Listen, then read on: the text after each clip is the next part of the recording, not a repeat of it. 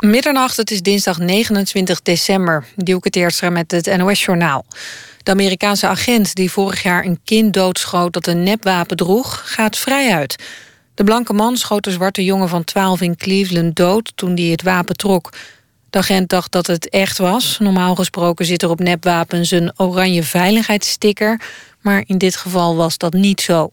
Volgens de aanklager is er sprake van een menselijke fout... en is er geen bewijs voor een misdrijf. Iran heeft weer een deel van de afspraken uit het atoomakkoord uitgevoerd. Het land heeft ruim 12 ton verrijkt uranium per schip naar Rusland gestuurd. De lading bevat het laatste Iraanse hoogverrijkte uranium... dat snel geschikt kan worden gemaakt voor kernwapens. In het akkoord is afgesproken dat Iran zijn atoomprogramma afbouwt. In ruil daarvoor worden de meeste economische sancties tegen het land opgeheven... en krijgt het bevroren te goede terug... De verwachting is dat Iran volgende maand aan alle afspraken heeft voldaan. De explosie van gisteravond in Drachten is niet veroorzaakt door vuurwerk. Dat heeft de burgemeester gezegd tegen Omroep Friesland. Door de explosie stortte een appartementencomplex in. Al snel waren er geruchten dat dat door vuurwerk kwam... maar volgens de burgemeester is dat uitgesloten. In het puin zijn geen sporen van vuurwerk aangetroffen. Louis van Gaal is niet van plan op te stappen als trainer van Manchester United. Zijn ploeg wist vanavond tegen Chelsea opnieuw niet te winnen. Het werd 0-0. Maar hij vindt dat zijn spelers onder grote druk een goede wedstrijd hebben gespeeld. Hij maakt zich geen zorgen, zegt hij. Manchester United heeft nu al acht wedstrijden op rij niet weten te winnen... en werd ook uitgeschakeld in de Champions League. Het weer dan nog. Vannacht is het bewolkt en droog bij een graad of 6. Komende dag in het westen kans op wat regen. Het wordt 9 of 10 graden. Woensdag blijft de temperatuur hetzelfde. Dan is het droog en zonnig. Dit was het NOS Journaal. NPO Radio 1. VPRO. Grote woorden. Met Wim Brands. Ja, tot twee uur grote woorden. En niet alleen vanavond, maar tot en met vrijdag. Elke avond van 12 uur s'nachts tot 2 uur praat ik met vijf verschillende denkers. Morgenavond Marlie Huijer, Maarten van Buren komt, A.W. Prins, Casper Thomas. En ik zal met hen over verschillende onderwerpen uh, gaan praten. En het idee achter deze serie is eigenlijk heel simpel. Uh, Mark Rutte schijnt gezegd te hebben dat uh, Nederlander als, als voorzitter van de EU, dat Nederland, of Nederland als voorzitter uh, van, van de EU uh, geen vergezichten wil gaan scheppen. Nou, dat gaan wij wel proberen. Dat gaan we elke avond proberen, telkens over een ander onderwerp. Grote Woorden is trouwens ontleend aan Frans Kellendonk. Frans Kellendonk die gaf ooit in Leiden zijn vondellezing. Het is een prachtige lezing en Nee, dat was niet zijn vondellezing, het was een lezing daarna. En die had als titel Grote Woorden, want die schuwde hij niet. Nou, dat gaan wij ook proberen te doen.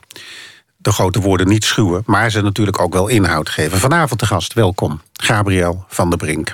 Ik ga dit gewoon even voorlezen, want ik heb een cassette gekregen. Dat zijn uh, drie teksten van uh, Gabriel. Waarom morele vragen politiek urgent worden. Wat de samenleving kan betekenen hoe wij beter over kennis kunnen nadenken. En dat zit dan in een cassette met als titel Omwille van de publieke zaak. Gabriel van der Brink is van 1950, studeerde filosofie aan de Katholieke Universiteit Nijmegen.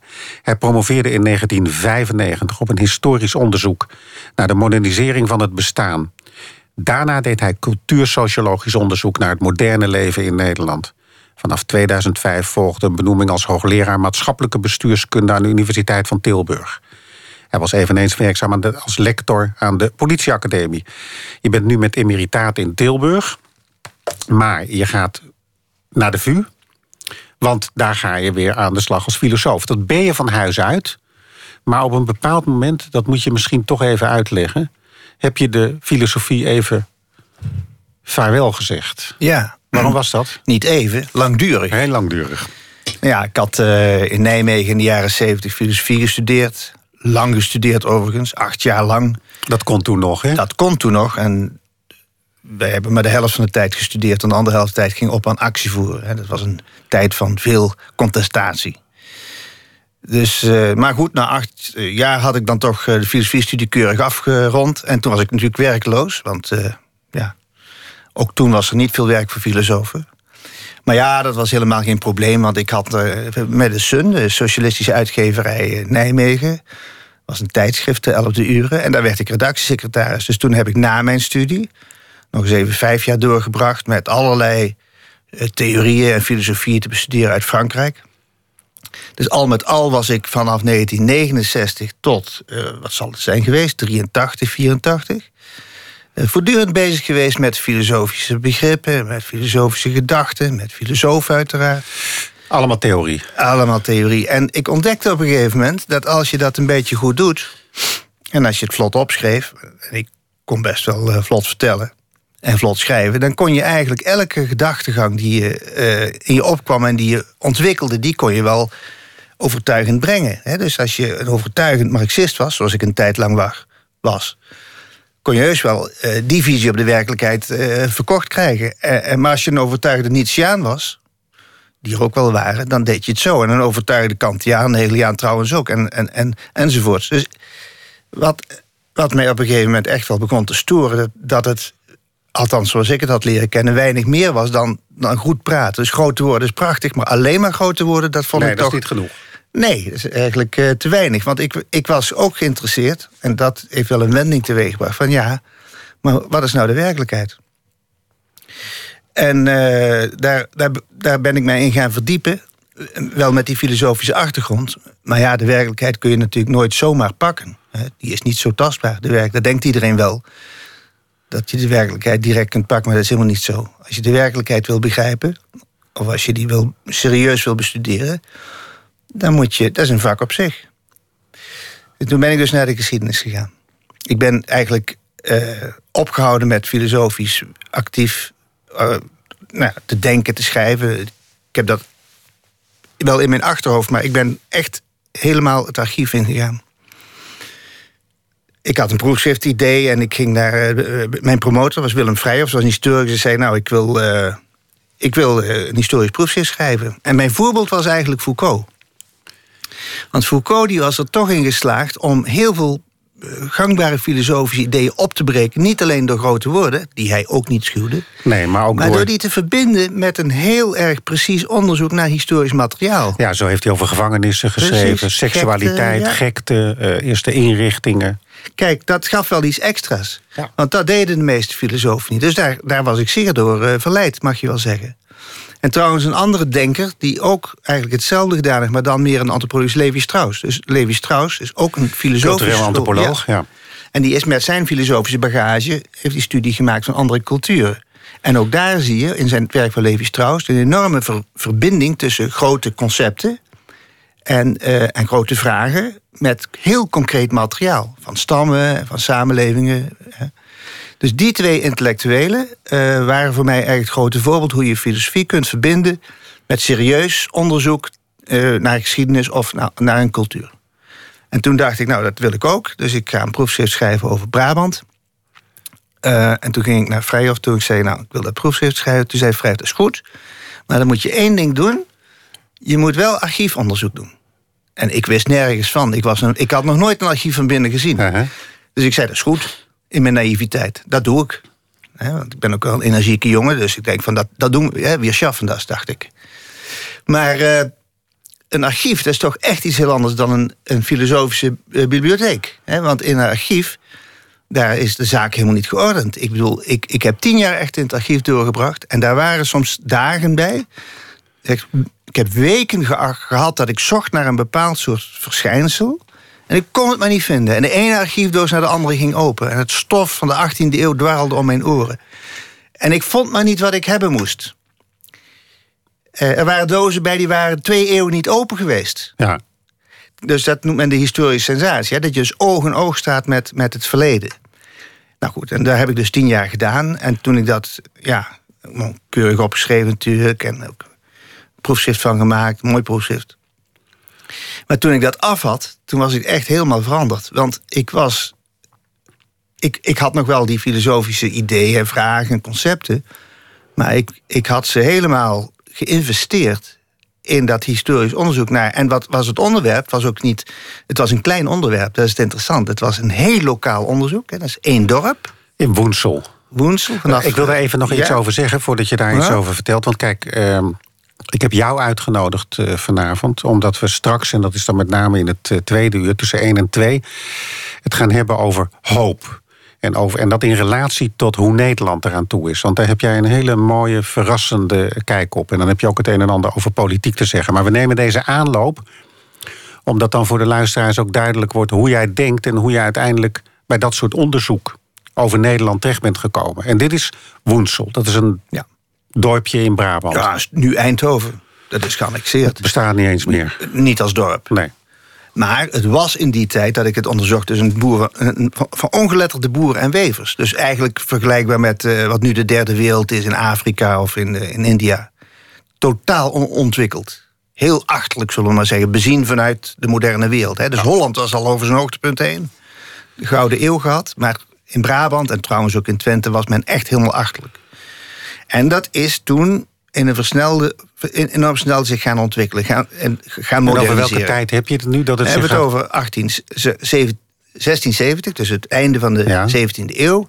tot het begin van de 20e eeuw. Dus 2,5 eeuw. Hè. 19e eeuw, 18e eeuw. Nou.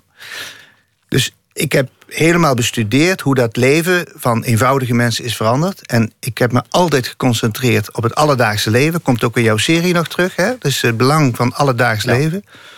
Juist dan, dat is van belang voor grote woorden. Als je het over grote woorden hebt, grote concepten, grote vragen, vind ik het heel interessant om dat te verbinden met het alledaagse leven. Omdat je dan pas kunt testen wat die woorden waard zijn.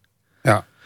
Dus eh, eh, ik, ik, ik heb op dat punt, punt ook wel een heel andere opvatting over eh, de taak van intellectuelen als bijvoorbeeld eh eh, Vargas Llosa of mensen van het Nexus Instituut. Die willen de beschaving verdedigen door zich te richten tot de elite, intellectuele Ja. elite. Nexus Instituut is een instituut uit Tilburg van Rob Ja. Riemer. En, Ja. en, dat, en, dat, en dat vind jij te veel pleitbezorgers van. nou, dat, van- is, dat, dat, is, dat gaat over hoog, hogere cultuur van de elite. En dat, daar heb ik groot respect voor, daar gaat het niet over. Maar het probleem is natuurlijk dat in de loop van de 20e eeuw...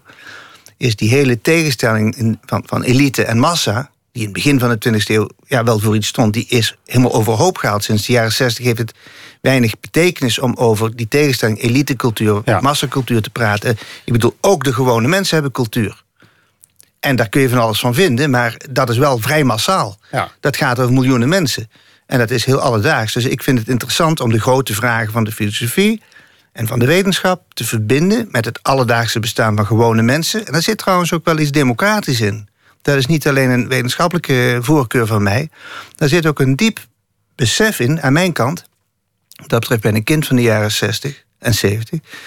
Dat, dat gewone mensen ook als ze weinig opleiding hadden, die denken ook na. Ik, ik, dit is eigenlijk een citaat van Gramsci. Hè? Gramsci eh, formuleert... Italiaanse eh, Ja, communist. Marxist, eh, filosoof, communist ook Ja. trouwens, ja. Maar wel een groot denker. Die, de prachtige, die de vraag stelt, wat is filosofie? En dan een prachtige antwoord geeft, ieder mens is filosoof. Waarom?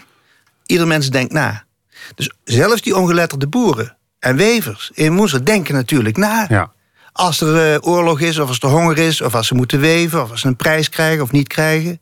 Of als de, als de, de oogst niet eh, oplevert wat ze willen. Ook arme mensen denken na. En de taak voor intellectuelen is, weer Gramsci, niet om met enig dédain daarop neer te kijken, maar te begrijpen wat zij denken. Dat is precies wat Levi Strauss ook doet als hij het denken van de wilde stammen bestudeert. Zegt die mensen zijn niet onontwikkeld. Nee, die denken na over goden en over het bestaan en over kindersterfte. En hun denken is in beginsel even rationeel als ons denken. Ja. Dus ver weg, verwijderd van de arrogantie van wij weten alles beter. Dus daar zit een e- element, heel diep democratisch engagement onder. Maar je bent er natuurlijk niet door dat ja, te bekennen. Nou ja, leuk, leuk dat je dat vindt. Maar je moet, je moet laten zien, en dan begint het interessant te worden, wetenschappelijk, filosofisch, methodisch ook. Kun je dat denken van die gewone mensen ook echt begrijpen? En wat, waarin verschilt dan van ons denken? En trouwens, die opgave is nog steeds heel moeilijk. Hè? Ook anno nu is er een enorm verschil tussen de manier waarop hoogopgeleide mensen denken en, en niet opgeleide mensen of laagopgeleide mensen denken. Ook nu hebben we een enorme arrogantie van eh, elite voor het gewone volk. En ik vind het een taak, ook een publieke taak voor intellectuelen en voor filosofen om met respect voor die hogere cultuur ook na te gaan of je iets kunt begrijpen van het gewone leven. Als we dan even terugkeren naar Woensel. Hè. Je, hebt dus, je hebt dus echt jarenlang in het archief opgesloten. Tien jaar. in het archief. Om te bestuderen hoe in dat kleine dorpje, nu opgeslokt door Eindhoven, in een aantal eeuwen die modernisering ontstaat. Wat was, wat was voor jou een fundamenteel moment in dat onderzoek? Want je zei dat ging opeens heel snel, die modernisering. Ja, maar mijn eigen. Je vraagt eigenlijk op welk moment ik zelf veranderd ben door het onderzoek. Want die, die, kijk, ja. Dat dorp heeft zich ontwikkeld en dat kwam onder andere door de marktwerk en dat kwam door de industrie. Dat is een heel proces, dat gaan we hier niet behandelen. Maar er waren wel twee dingen waarop ik zelf ingrijpend veranderd ben.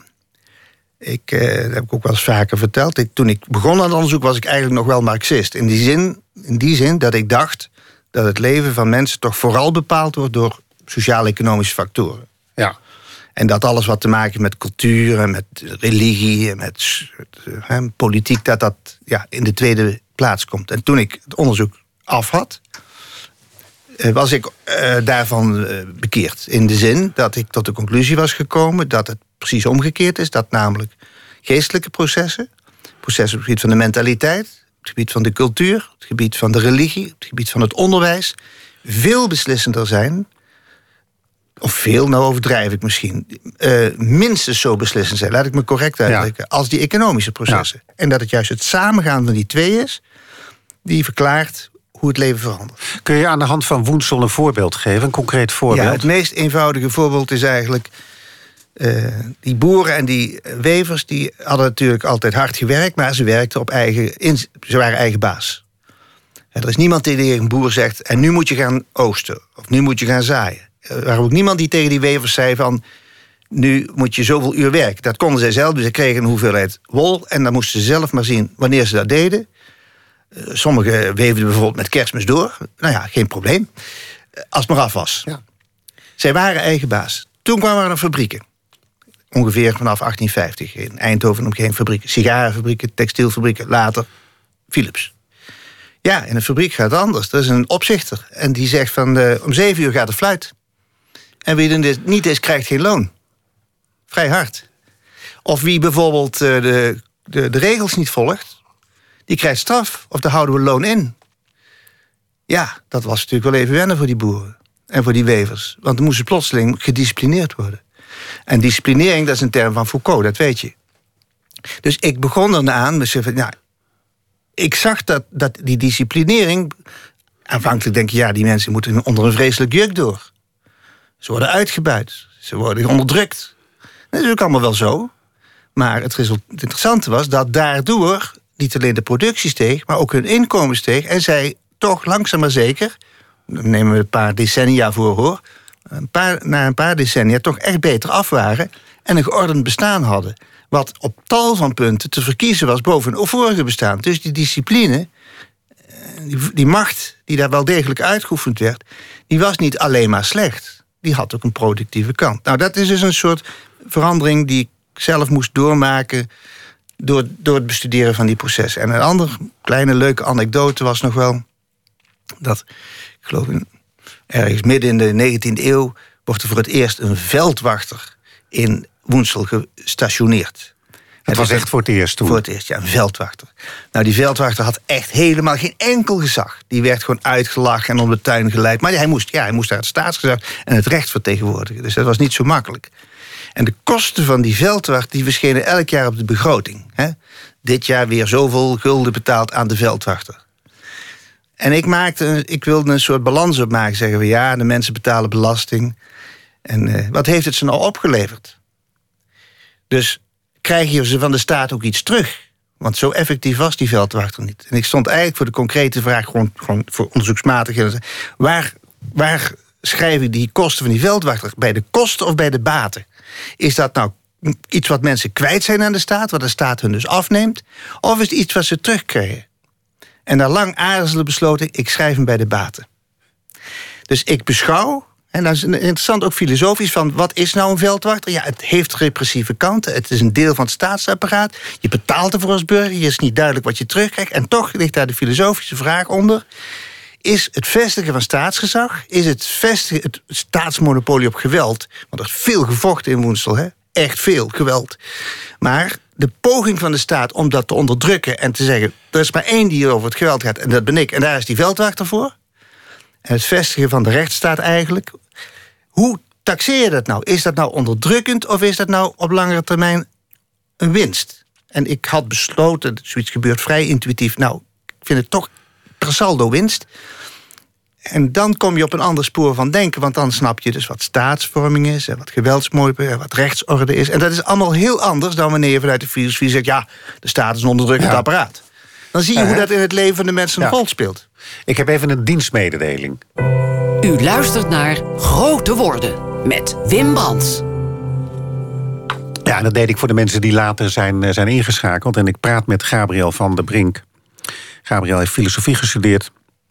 Was hoogleraar in Tilburg. Daar is hij met emeritaat. Gaat nu weer filosofie doseren aan de VU in Amsterdam. En legde net uit waarom hij ooit uh, de filosofie verliet en de praktijk ging onderzoeken.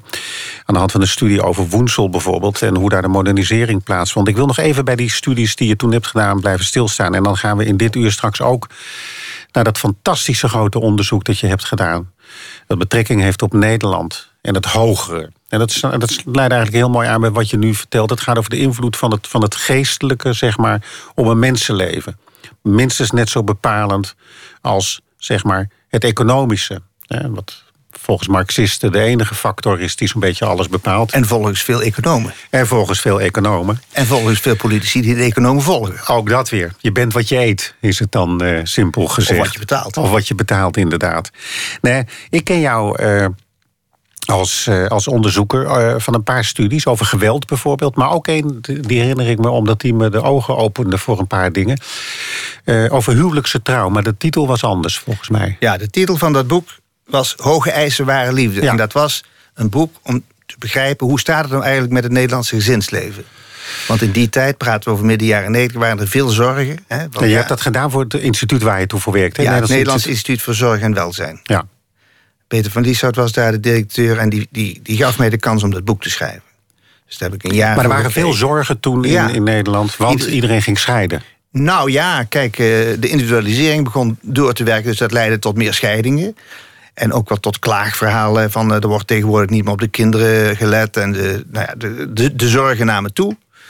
En goed, dat was dus een interessant onderwerp. En ik heb daar een boek over geschreven. En een van de dingen die ik ontdekte, en overigens uh, niet zozeer door het bestuderen van allerlei cijfers, maar wel door gesprekken te voeren met allerlei mensen die dat kenden, het gezinsleven. Die zei, op een gegeven moment werd duidelijk dat, dat de eisen die mensen aan elkaar stellen, of aan hun relatie stellen, of aan de opvoeding stellen, dat die dus langzaam maar zeker steeds hoger worden. Dat is typisch een kenmerk van modernisering. En je kunt modernisering op allerlei manieren beschrijven. Maar een van de belangrijkste kenmerken is dat heel geleidelijk, echt heel geleidelijk, zo geleidelijk dat je het niet eens merkt, de verwachtingen, de normen ook, omhoog gaan. In dit geval van het gezinsleven bijvoorbeeld. Uh, nou, uh, in de jaren 50, uh, ook nog in de jaren 60, kwam het heel regelmatig voor dat kinderen die iets hadden uitgevreten, die kregen een pak slaag. Die werden gemapt, dat, was, dat hebben we ook later vastgesteld voor, voor Sassheim. Dat gebeurde in twee derde van de gezinnen. Daar heb je onderzoek gedaan, ook Sassheim. Daar heb ik met Kees Schuit samen ook nog eens een keertje... Uh, ja. Maar daar bleek dus uit dat, dat mensen er geen enkel been in zagen... om hun kinderen een klap te verkopen. Zoals dat trouwens buiten Europa nog heel normaal is... in verreweg alle samenlevingen. Maar in de jaren 60 uh, en zeker ook in de jaren zeventig kwam natuurlijk wat psychologische literatuur over opvoeden en over relatie en communicatie. En die opvoeding die werd wat moderner en daar kwam, hoorde bij waar je slaat kind niet, je gaat met ze praten. Ja, dan ga je natuurlijk niet zomaar praten, maar je gaat vooral praten over hoe het hoort of wat, wat je van elkaar verwacht. Hè. Nou. En zo, zo hobbel je langzaam maar zeker die moderne gezinscultuur in. En dat gezag van vader en moeder, wat vroeger vrij verticaal was, want er was er maar één de baas of tweede baas, maar in ieder geval niet de kinderen. Dat is er geleidelijk uitgegaan. En in een huidig gezin kun je die gezagsuitoefening helemaal niet meer hebben. Dus in de gezinnen in Nederland is heel geleidelijk het gezag gemoderniseerd. En dat betekent minder verticaal, meer onderhandelen, meer bespreken en vooral niet slaan. Ja. Als je nu een kind slaat, dan kun je zo naar de RIAG. Dat is hartstikke fout. Als je als, dan deug je niet als ouder. Nou, hoe kan dat nou? Hoe kan het nou dat iets wat we vroeger vrij normaal vonden... in de loop van 30 jaar pathologisch is geworden? Dat is dus enorm is verschoven. In dit geval omhoog gegaan. We verwachten van ouders dat ze niet slaan, ook niet uit onmacht slaan... maar dat ze bereid zijn, in staat zijn om met woorden, met aandacht, met liefde... hun kinderen groot te brengen. Nou, ik vind het prima. Ik ben er helemaal voor. Ik heb het zelf ook geprobeerd. Maar het is wel is een niet manier... gelukt, wou je zeggen. Wat? nou, ten dele. Nou, oké. Maar, nee, maar het stelt Ja. ook hele hoge eisen aan jezelf als Ja. ouder. Bijvoorbeeld invoelend vermogen, spreekvaardigheid, zelfbeheersing, incasseringsvermogen, frustratietolerantie. Je moet heel veel in huis hebben om zo te kunnen opvoeden. Nou, dat hebben we toch wel heel redelijk geleerd hoor in Nederland. En nou gaat het er dus niet over de vraag of dat allemaal goed of slecht is, want er zitten ook nadelen aan deze ontwikkeling. Zoals met alles, met modernisering. Maar het gaat er nou alleen om te begrijpen dat die verwachtingen geleidelijk hoger zijn geworden, subtieler zijn geworden. En dat is niet alleen zo in relatie tot kinderen, dus ook in de relatie tussen echte tussen partners. Hè? Ja. Want we moeten niet alleen getrouwd zijn, maar tussen partners. Ja, en dan zou je zeggen, eh, dat is toch een mooie ontwikkeling. Nou ja, zolang de relatie in stand blijft. Nou ja, weet je, door dat boek, daarom begin ik er even over. Eh, snapte ik opeens, toen ik vroeger op het, op het schoolplein stond. eh, mijn kinderen zijn het huis al uit, maar dan stond ik op het schoolplein om mijn kinderen op te halen. En dan zag je daar bijvoorbeeld twee gescheiden ouders staan. En die kwamen dan toevallig allebei samen een keer. En die stonden dan met elkaar te praten op een hele vriendelijke manier. Dat ik dacht, waarom zijn die mensen eigenlijk gescheiden? Waarom zijn die nou gescheiden? Ze kunnen het nog heel goed met elkaar vinden. Nu ga ik dat niet bagatelliseren, maar ik snapte door jouw boek wel waarom dat zo is. Hun, in sommige gevallen zijn de eisen van die mensen te hoog geworden. Hè? Nou, En te hoog. Ze zijn hoger geworden. Ja. En, en te hoog, wat is te hoog? Nou ja, Eh, dat- Ze kunnen er kennelijk zelf niet aan voldoen. Maar als je dat dan, ik, dat komt uit jouw boek volgens mij, als een man in de jaren 50 bijvoorbeeld, of een vrouw, stel je voor, die ging vreemd, een keer, met de buurman of de buurvrouw. Nou ja, dan gebeurde dat. En er werd dan verder niet over gepraat, klaar. Als dat in de jaren 90 gebeurde, kon dat een reden zijn om te, om te scheiden, want dat deed je niet. Die eisen waren hoger geworden. Nou, het is nog sterker, Wim. Eh, Het SCP heeft deze vraag al sinds begin jaren 70 gesteld. En begin jaren 70, op die vraag, hè, een Ja. enkel avontuurtje kan geen kwaad in een goed huwelijk. Ongeveer 70% van Nederlanders, ja, dat, dat, dat, moet, dat kan gebeuren. Heel tolerant was men dat. Dat is nu gedaald tot 30%. Dus dat is totaal veranderd.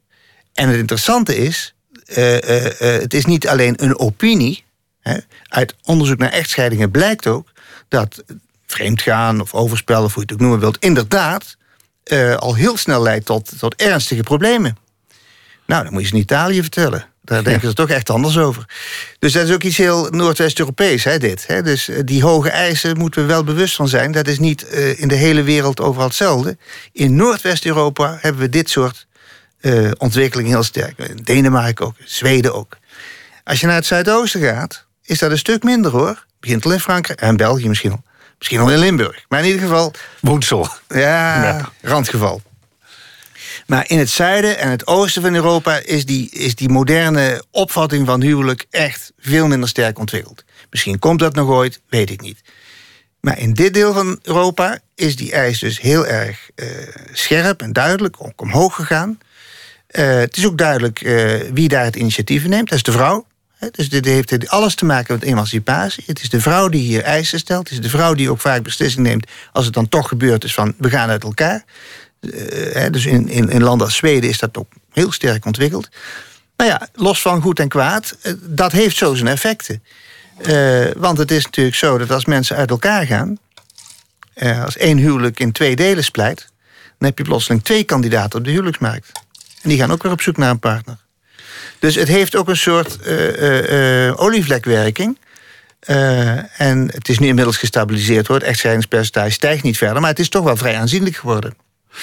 En het is dus vooral, dat, om, dat, om die lijn even vast te houden... een effect van de, een gevolg van de, van de, van de modernisering. Ja, Dat, dat, Omdat modernisering betekent dat je gewoon eigenlijk steeds naar beter streeft en hogere verwachtingen.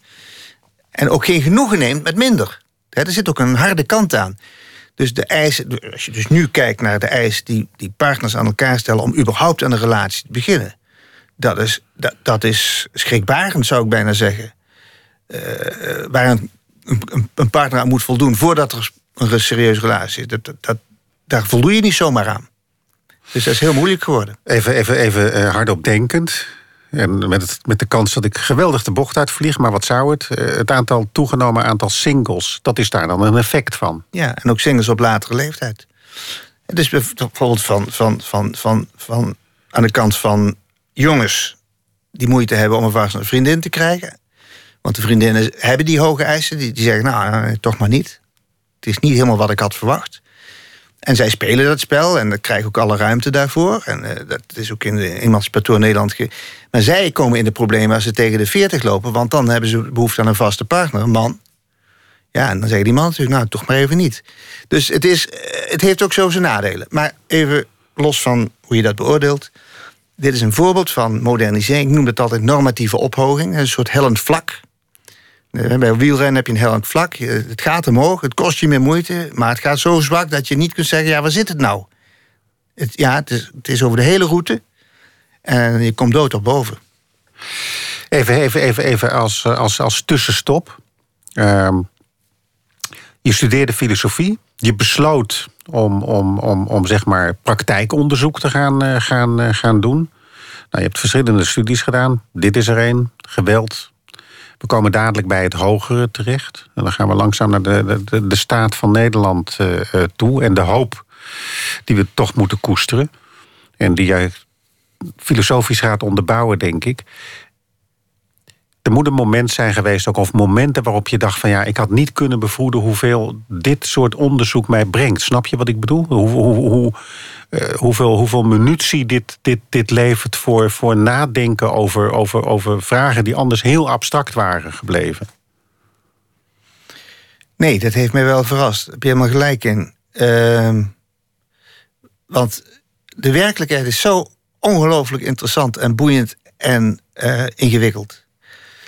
Dat, uh, dat de meeste mensen, denk ik, uh, ervoor terugschrikken of zich, zich opsluiten.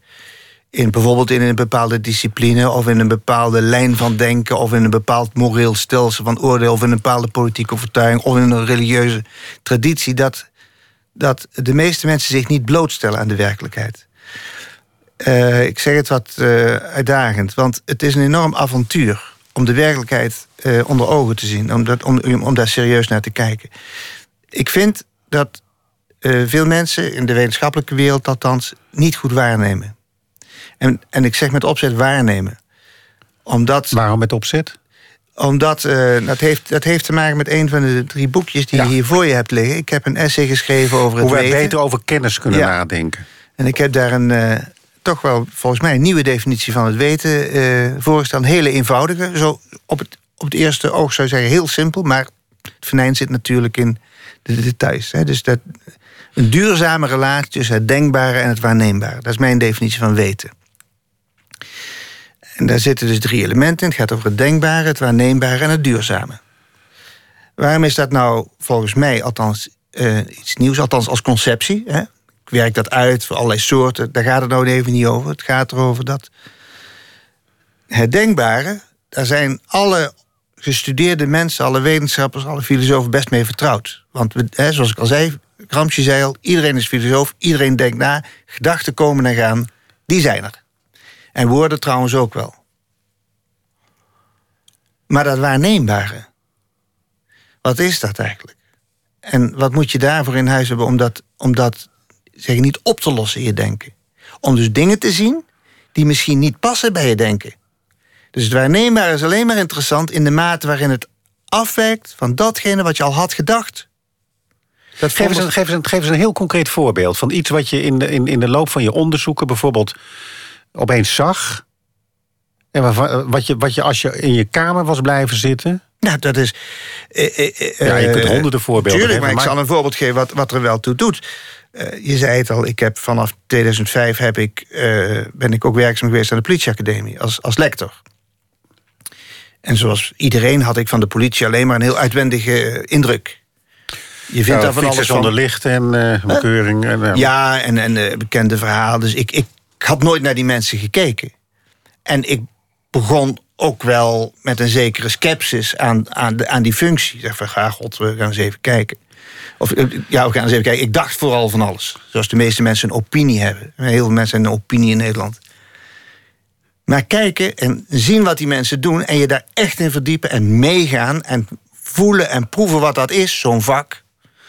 Eh, op straat, in situaties die. Dat is nog iets heel anders. En als je dat serieus doet, is eigenlijk een soort equivalent van dat archiefonderzoek voor mij. Daar heb ik me echt in begraven, tien jaar lang.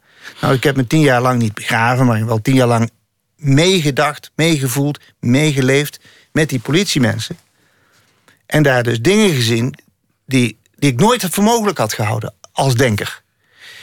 Uh, die ook ontroerend zijn. Ik geef je een voorbeeld, want je wilt graag een concreet voorbeeld. Ja, er mogen er ook twee zijn. Ja, maar ik geef één voorbeeld. Dat, wij hebben onder andere onderzoek gedaan naar de rellen in Haren. Dat weet wel, in 2012 had je die rellen in Haren door een Facebook-bericht... die vreselijk uit de hand liepen omdat daar duizenden dronken jongelui... Uh, nou ja, uh, met de politie op de vuist gingen. De politie was de situatie niet meester. Ze waren echt in paniek. En in die paniek was de ME opgetrommeld. En die was eerst met te weinig manschappen. En ze kregen de zaak niet onder controle. En er werd echt met, eh, met stenen naar de politie gegooid. Dus dat, is, dat was best beangstigend. En allemaal duizenden jongeren daar verzameld in die smalle straatjes van dat dorp. En op een gegeven moment werd er door de leiding toestemming gegeven, gegeven om vanuit de ME een charge uit te voeren, om die straat schoon te vegen. En toen heeft een commandant van de ME gezegd: dat doe ik niet. Want dat gaat, dat gaat slachtoffers opleveren. Dat, dat, dat wordt, dat wordt uh, paniek. Uh, terwijl zijn mannen dus echt bekogeld werden met stenen en het zwaar hadden. Hij zei: Ik doe het niet. Ik pas ervoor. En die weigert dus een bevel van hoge hand. Dat is nogal wat. Dat vond ik heel moedig. Ontroerend ook. Want daar nam hij zelf risico en, en hij heeft voorkomen dat er doden zijn gevallen of zwaar gewonden. Nou, dat dat gebeurt. Dat had ik, en als je, vooral als je dat in detail hebt, want we hebben natuurlijk daar videoopnames van gezien, we hebben daar verhalen over gehoord, we hebben getuigen gehoord, heel intensief bestudeerd.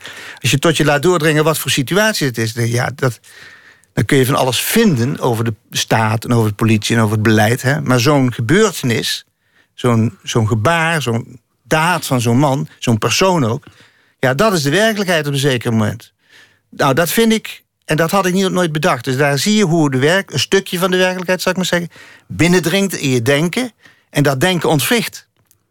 En het ontwrichten van het denken door een gebeurtenis, dat is echt iets anders dan wat je als filosoof of als wetenschapper, meestal sta je dat niet toe. Uh, ook de meeste wetenschappers staan niet toe dat hun denken of hun theorie wordt ontwricht door iets wat gebeurt in de werkelijkheid. En ik wel. Uh, en dat zeg ik niet het heroïek, maar dat zeg ik omdat ik juist omdat ik, omdat, om, kijk, ik kan best goed denken, maar ik vind het oninteressant als dat denken als maar doorholt in dezelfde lijn. Die ontwrichting is interessant. Dus weten is als het ware die, dat moment waarop die ontwrichtende werkelijkheid verbonden wordt met denken, zonder dat je denken opgeeft. Hè? Kijk, alleen maar bezwijken voor de werkelijkheid en ophouden met denken, dat is ook geen optie. Maar het gaat, er, het gaat er dan toch ook om dat je, dat je, dat je denkt van... hé, hey, maar dit wijkt van het protocol af. Kijk nou eens wat hier gebeurt. Daar gaat het om. En dan ook proberen te bedenken waarom dat is... en wat dat te betekenen heeft. Nou zou je toch kunnen denken, om dat woord dan nog maar eens te gebruiken... dat ook filosofen, mensen die daarvoor opgeleid zijn... dat die dit wel zelf kunnen bedenken. De vraag is dan even tussendoor waarom, waarom, waarom, dat, niet, waarom dat niet zo is. Waarom ze zo opgesloten zitten ja, in die ruimte waarin ze zich bevinden. Ja, maar laten we even reëel zijn. Eh, er zijn natuurlijk soorten, soorten van denkers, soorten van auteurs en wetenschappers. Er zijn gelukkig, ook in Nederland, heel veel eh, denkers en auteurs die wel degelijk oog hebben voor die ontwrichtende werk. En die zich ook in hun denken uiteenzetten met, met de werkelijkheid. Dat, ik ben absoluut de enige niet. Dus die illusie zou ik meteen willen Alleen, dat zei ik ook niet. Zo is het niet georganiseerd. Nee. aan de universiteit en vaak ook trouwens in de media is het zo georganiseerd dat uh, die werkelijkheid op maat wordt gesneden naar een bepaald paradigma, een bepaalde theorie, een bepaalde discipline, een bepaalde politieke stroom, een bepaalde framing die al vaststaat. En uh, dat mensen dus de opgave om die werkelijkheid waar te nemen in zijn, in zijn ruwheid, daar waar ze niet past, die wordt, ja, dat is maar lastig natuurlijk. En, en daarom vind ik dat mocht wel wat meer. Er zijn er gelukkig veel die dat doen, maar het mag wel wat sterker. Laten we het over, over, het, eh, over het hogere hebben. Dat was een, dat was een, dat was een heel groot onderzoek. Hè? Wat, Ja. wat, was, wat was de opdracht precies? De opdracht was om na te gaan hoe in een moderne samenleving... of daar geestelijke beginselen nog wel een rol spelen. En zo ja, welke rol? Van En- wie kwam die opdracht? Die hadden we zelf bedacht. En wie is we? Nou, ik eigenlijk. Dus dat kan ik niet, eh, niet anders zeggen. Maar dat was ook nog namens dat maar- instituut. Nee, nee, Nee. nee, nee, nee, nee. Gewoon bedacht. En vervolgens een paar goede collega's eh, gevonden die eraan mee wilden werken. Maar eh, kijk, dat is inderdaad een groot onderzoek wat heel duur was. Maar gelukkig was er een, een departement. En ik zal verder geen eh, details noemen, maar er was een departement wat bereid was om dat te betalen omdat men wel zag dat dat voor de hele duiding van de samenleving van enorme betekenis is. Nou, gewoon de Nederlandse overheid. Dus dat was De het welk departement was het dan? Nee, dat zeg ik dus niet. waarom, is dat, waarom is dat geheim dan? Nou, ik heb afgesproken dat ik dat niet aan de grote klok zal hangen. Maar laat ik er dit over zeggen. Er zijn in Nederland ambtenaren die tot taak hebben om strategisch te denken. Dus die niet eh, van incident naar incident hollen, maar die zich de, de vraag stellen: van waar gaat de samenleving op langere termijn naartoe? En wat moeten wij doen om te zorgen dat het niet al te veel uit de hand loopt? Die heb je toch wel. En het zijn int- intelligente mensen. En Dat is hoopgevend, maar het klinkt ook een beetje als een geheime missie. Maar goed, dat echt, is, ook, dat, Ja. is, dat, is ook, eh, dat is een taak die zich achter de schermen voltrekt. Zij gaan nooit de straat op, maar ze zijn er wel. En wij troffen een van die ambtenaren die, die, die snapte dat zo'n onderzoek naar geestelijke beginselen in het zogenaamd totaal geseculariseerde en totaal geïndividualiseerde Nederland misschien toch wel zinvol was. En die heeft daar dus toen eh, geld voor beschikbaar gesteld. En dat was veel geld. En daarom konden wij een aantal jaren onderzoek doen.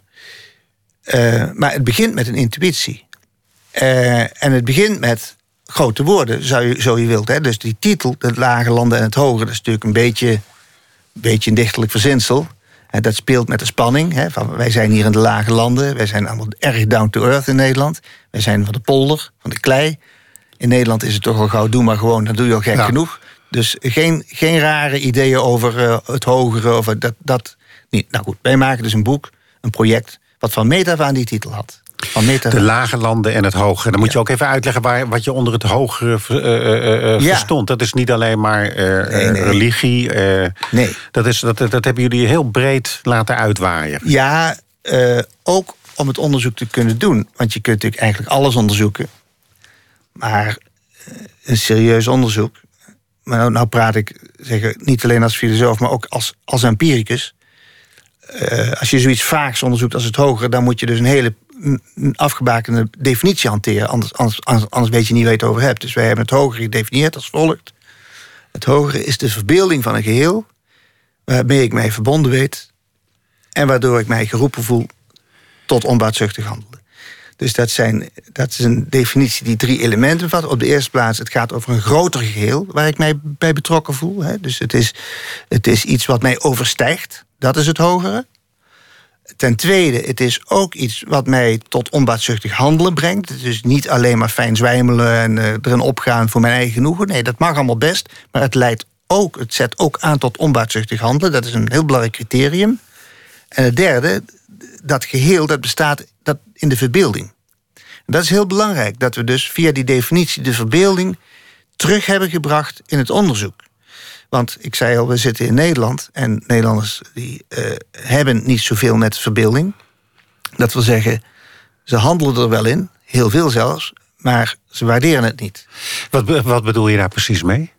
Nou, eh, daar bedoel ik eigenlijk mee dat Nederlanders eh, in de omgang met, met het leven A. een enorme argwaan hebben tegen de verbeelding, omdat het niet de werkelijkheid is. En dus ook weinig waardering hebben voor die kant van het menselijk leven, de verbeeldingskant. Ze zeggen altijd ja, ze, ze willen altijd liefst de werkelijkheid zien. Geef een voorbeeld. Nou, ehm, we hebben laatst in de NRC gehad dat een of andere kunsthistoricus had uitgevonden eh, het gezicht op Vermeer van, eh, op Delft van Vermeer, eh, welk pand dat was. Iedereen blij, want nou weten we eindelijk welk huis dat was. Terwijl dat eh, volgens mij in de schilderkunst de kwestie niet is. Eh, want of dat huis nou werkelijk heeft bestaan of niet heeft bestaan, of misschien drie keer zo groot of twee keer zo klein, Dat doet niets af aan het schilderij. Dat doet niets af aan de kwaliteiten van het schilderij. En wat nog veel belangrijker is, het doet niets af en voegt ook niets toe aan de enorme rol die dat schilderij in de nationale verbeelding is gaan vervullen. Ja. In de 19e eeuw zijn hordes van Fransen naartoe gekomen om dat te bewonderen. Dacht je dat die mensen ook maar een procent meer of minder van dat schilderij begrepen door te weten dat het werkelijk gebeurd is? Maar nee, in de Nederlandse kunstgeschiedenis juicht men omdat men ontdekt heeft welk pand het was. Nou, dat vind ik dus een soort polderachtige platheid, waarbij de verbeelding wordt, wordt teruggebracht tot, tot de bakstenen, Ja. eh, eh, waar het dan ooit over ging. Nou, Frans Halstraat nummer 42, dat was het. ja, dat, maar dat, werk. is dus een, een, dat is een verarming van het bestaan. En, en de tweede, eh, eh, dus dat is, dat, is, dat is meer aan Nederland gekomen. En het tweede, dat is meer gebonden aan de verdeling katholiek-protestant. Als er dan toch iets over, als je dan toch oog in oog staat met de verbeelding, dan eh, geloven we eigenlijk in Nederland dat het alleen maar waar is als er woorden aan toegekend kunnen worden. Dus wat we enorm graag doen, is op een of andere schilderij spreuken, gezegtswijzen terug ontdekken en zeggen: oh, dat, dat woord betekent dat, of symbolen. Dus niet het beeld als visueel gegeven serieus nemen, kijken naar die verf, kijken naar het licht, kijken naar het geheel. Nee, omzetten in taal. Eh, overigens, moet ik wel heel eerlijk in zijn, deze inzichten heb ik niet van mezelf. Eh, mijn vrouw is eh, kunsthistorica en die heeft haar hele leven aan deze problematiek gewijd. Die, die is van de verbeelding, daar heb ik heel veel van geleerd. En daarom durf ik dat te zeggen. Maar het gaat erover dat, in die, even terug naar het hogere. eh, als je zegt het hogere is een verbeelding van een geheel, dan neem je dus die verbeeldingskant van het leven erg serieus. En eh, ik vind het een vorm van realisme. Er zijn, er zijn miljoenen mensen die in iets geloven. Dat kan God zijn, dat kan het vaderland zijn, dat kan hun werk zijn, dat kan weet ik waar ze allemaal aan geloven. Een voetbalclub. Is dat allemaal reëel? Ja, soms wel, soms niet. Is het interessant om die vraag te stellen? Nou, nee. Het is veel interessanter om je af te vragen: wat verbeelden zij zich? En wat betekent dat voor hen? Ook als het imaginair is. Juist als het imaginair is. Dus de imaginatie is een hele belangrijke laag van het menselijk bestaan. Dat is van belang voor de hoop. Waarom? Maar wacht even, we gaan eerst even, voordat je op de hoop komt... Nee, maar ik, ik zal vast een klein Ja? voorbeeld geven. Ja. Dan heb jij straks een mogelijkheid om terug te koppelen. Oké. Dat is eh, misschien wel het belangrijkste verschil tussen mens en dier. Dat wij een brein hebben wat zo sterk ontwikkeld is... dat wij ons dingen kunnen voorstellen die er niet zijn. Dat doen dieren niet. Dieren zijn echt down to earth. Zelfs de vogels. Want die hebben het alleen maar over dingen met elkaar die gebeurd zijn. Mensen hebben het met elkaar merendeels over dingen die niet echt gebeurd zijn. Maar die ze zich voorstellen. Uh-huh. En dat is wel heel reëel natuurlijk. Hè? Ja. Maar dat is dus een heel specifiek menselijk iets. En ja, op een of andere merkwaardige manier is daar in Nederland heel weinig aandacht voor. Wat jullie gedaan hebben met dat onderzoek, dat, dat, dat vond ik wel tamelijk indrukwekkend. Daar hebben heel veel mensen aan meegewerkt. Ja. Hoeveel mensen hebben interviews afgenomen? Ja, kijk, eh, het ligt eraan hoe je telt. We hebben gewoon, eh, ja, ik moet even het blote hoofd doen, maar toch wel zeggen, 70 mensen zijn er geïnterviewd. Eh we hebben natuurlijk databases verzameld, daar zitten dan weer duizenden mensen in. Ik bedoel, Het ligt er maar aan waar je naar kijkt. We hebben met opzet in dat onderzoek geprobeerd om de zaak op zoveel mogelijk verschillende manieren te benaderen. Dat wil zeggen, kwantitatief, met statistische analyse, verhalen verzamelen, beelden analyseren, anekdotes opschrijven. En wat voor mensen hebben, zijn er bijvoorbeeld geïnterviewd? Ik, ik, ik, Nou, ik zijn- herinner me bijvoorbeeld een sportschoolhouder in. in eh, nee, nee, nee, nee, wacht even. Een jongen in, in, in Den Haag die in een sportschool eh werkte. Ja. Ja, Om maar eens eh, iemand te noemen, maar- nou, merendeels gewone mensen dus. Hè, daar zijn we dus weer op, op, het, Ja. op het oude thema. Eh, Het hele boek gaat niet over hogere cultuur, bewust niet. Daar zijn we ook niet tegen natuurlijk, maar het gaat over de geestelijke beginselen zoals die in het alledaagse leven van gewone Nederlanders een rol spelen. Wat zijn nou gewone Nederlanders? Nou, dat zijn op de eerste plaats de gewone burgers. Dus die hebben we echt ondervraagd. We hebben ook gevraagd van, ja, wat, wat is in uw leven nou het allerbelangrijkste? Kun je er iemand bij halen en dan. eh, Nee, want deze mensen zijn anoniem. Ja, nee, maar even. In de anonimiteit kan het wel. Gewoon het, dus niet de naam noemen, maar het. eh, eh, Ja, natuurlijk. De, de postbode die vluchtelingen helpt. Of die uit, en, en eh, om reden van enzovoorts. Ja, dan, dus dan, dan neem ik even een voorbeeld uit eh, de gezondheidszorg en uit de politie. Eh, Dat hebben ook mensen, dus professionals, onderzocht. En eh, ja, er zijn dus mensen die in het ziekenhuis werken. En dan niet alleen aan de top, maar ook gewoon de verpleging. eh, Of de, de, de specialist. En die mensen die zijn dus, die doen dat niet voor het geld. Hè. Daar hebben we ook expliciet naar gevraagd. Waarom doet u dit werk? En wat wilt u eigenlijk met dit werk? Die mensen zijn eigenlijk vooral bezig met een concretisering van, van het hogere, met wat ze noemen menselijke waardigheid. Ja, mensen gaan dood, mensen hebben een verschrikkelijke ziekte, mensen ontredderen. Heb je verpleeghuizen natuurlijk ook. En dan onder die omstandigheden, waar mensen echt aftakelen, toch in de omgang met hen de menselijke waardigheid hoog houden. Hun serieus nemen. Hun pijn verminderen natuurlijk, maar niet hen behandelen als een technisch iets of als iets waar nog wat aan te verdienen valt. Dat soort motieven spelen bij de mensen in de gezondheidszorg geen enkele rol. Bij henzelf. Ja, wel bij de directie misschien, of bij de verzekeraar, maar bij die mensen die dat werk doen, dus niet. En dat had je van tevoren niet bedacht?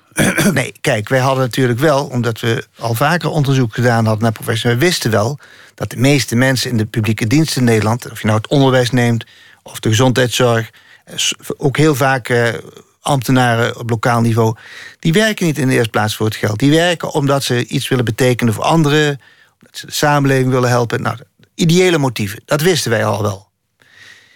Maar als je dan inzoomt op zo'n ziekenhuisafdeling... waar dus ernstige patiënten liggen, die, ja, die liggen dood te gaan... en je ziet voor je ogen, als het ware... op welk, met welke zorg en liefde en met welk geduld... die mensen verpleegd worden, als je dat voor je ziet... Uh, dan komt je het gedicht van Reven te binnen. Hè? Van, uh, ja, allemaal grote woorden. Maar, uh, hoe was het ook alweer? Moeder Therese... Maar die mensen hebben wij dus ook in Nederland. En dat zijn mensen die nooit beroemd worden... en die nooit hun beginselen aan de straatstenen staan uit, maar die wel dag in dag uit dat werk doen. En natuurlijk zit daar een enorme hogere, een beschavingselement zelfs in. dus dat is waarom ik hoopvol ben. Onder andere omdat die grote woorden over die menselijke waardigheid... die staan in allerlei verklaringen, rechten van de mens en dit en dat. Daar zijn we het allemaal mee eens. En het is belangrijk, gaat het niet om. Maar het is veel belangrijker dat in de alledaagse praktijk van zo'n ziekenhuisafdeling mensen een enorme best doen, ook tegen de bureaucratie in vaak, om dat, om dat waar te maken. En daar worden ze niet beroemd mee en ze verdienen er geen geld mee, maar zij doen dat voor die zieke mensen. Nou, dat vind ik uh, beschaving. En dat vind ik dus een gestalte van het hoger. En dat is een gestalte, maar één van de gestalten. Want de soldaat die voor het vaderland naar Afghanistan gaat of naar iets anders en zijn leven waagt, is iets heel anders. Uh, maar we zijn dus natuurlijk niet. Er is maar één gestalte van het hogere. Er zijn verschillende gestalten van het hogere. Die hebben we ook allemaal in kaart gebracht. Uh, dat is ook typisch voor Nederland. Neemt heel veel gestalten aan. Maar het gaat altijd over een bijzondere verbeelding waarbij mensen zich voorstellen wat waardevol is, wat belangrijk is, waar je iets voor opgeeft, waar je je best voor doet. En ja, wat gewoon uh, op een heel alledaags niveau volop aan het werk is. Ja, dat komt niet in de krant, helaas. Maar het is wel de realiteit. Maar die onbaatzuchtigheid, die kwam je dus, die kwam je dus regelmatig tegen? Volop. Het is ongelooflijk als je ziet hoeveel mensen in Nederland onbaatzuchtig bezig zijn. Het is echt uh, ontroerend. En uh, wat mij stoort is dat dat maar niet zichtbaar wordt. Dus de een van de redenen was om dat ook naar voren te halen. Zo empirisch mogelijk. Je gaf net het ziekenhuis als voorbeeld. Noem nog eens wat voorbeelden van sectoren waarin je dat gewoon ziet. Nou, ik, gaf, ik, gaf, ik verwees net al eventjes naar de politie. Dat was nou zeggen, meer een dramatische setting. Maar er zijn natuurlijk ook minder dramatische settings. Dat, dat, dat politiemensen gewoon in achterstandsbuurten uh, de maatschappelijke vrede proberen te bewaren. Uh, ja, uh, hoe gaat dat? Hè? Anno nu, met al die spanningen en al die dreigingen.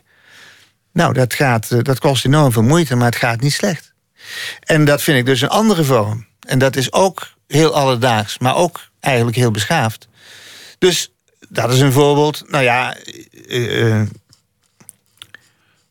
kan wel, ja, ik kan wel bezig blijven met voorbeelden, maar ik wil toch eventjes uh, filosofisch wat uh, veralgemeniseren als je het goed vindt. Ja, dat mag nu, want we gaan nu tegen het einde van het eerste uur en dan hebben we een prachtige cliffhanger meteen voor het uur daarna. Ja, dus het, het probleem is dat dat, dat, en dat is een groot filosofisch probleem, dat van de ene kant het hogere en al die waarden, al die beschavingsmotieven volop in de alledaagse werkelijkheid bestaan en werken. Maar ze kunnen bijna niet gezegd worden. Hier missen we grote woorden. Is echt, we hebben niet meer de woorden om dit te benoemen. En daarmee bestaan ze dus alleen maar privaat. Alleen maar voor de mensen die het aangaat en niet meer in het openbaar.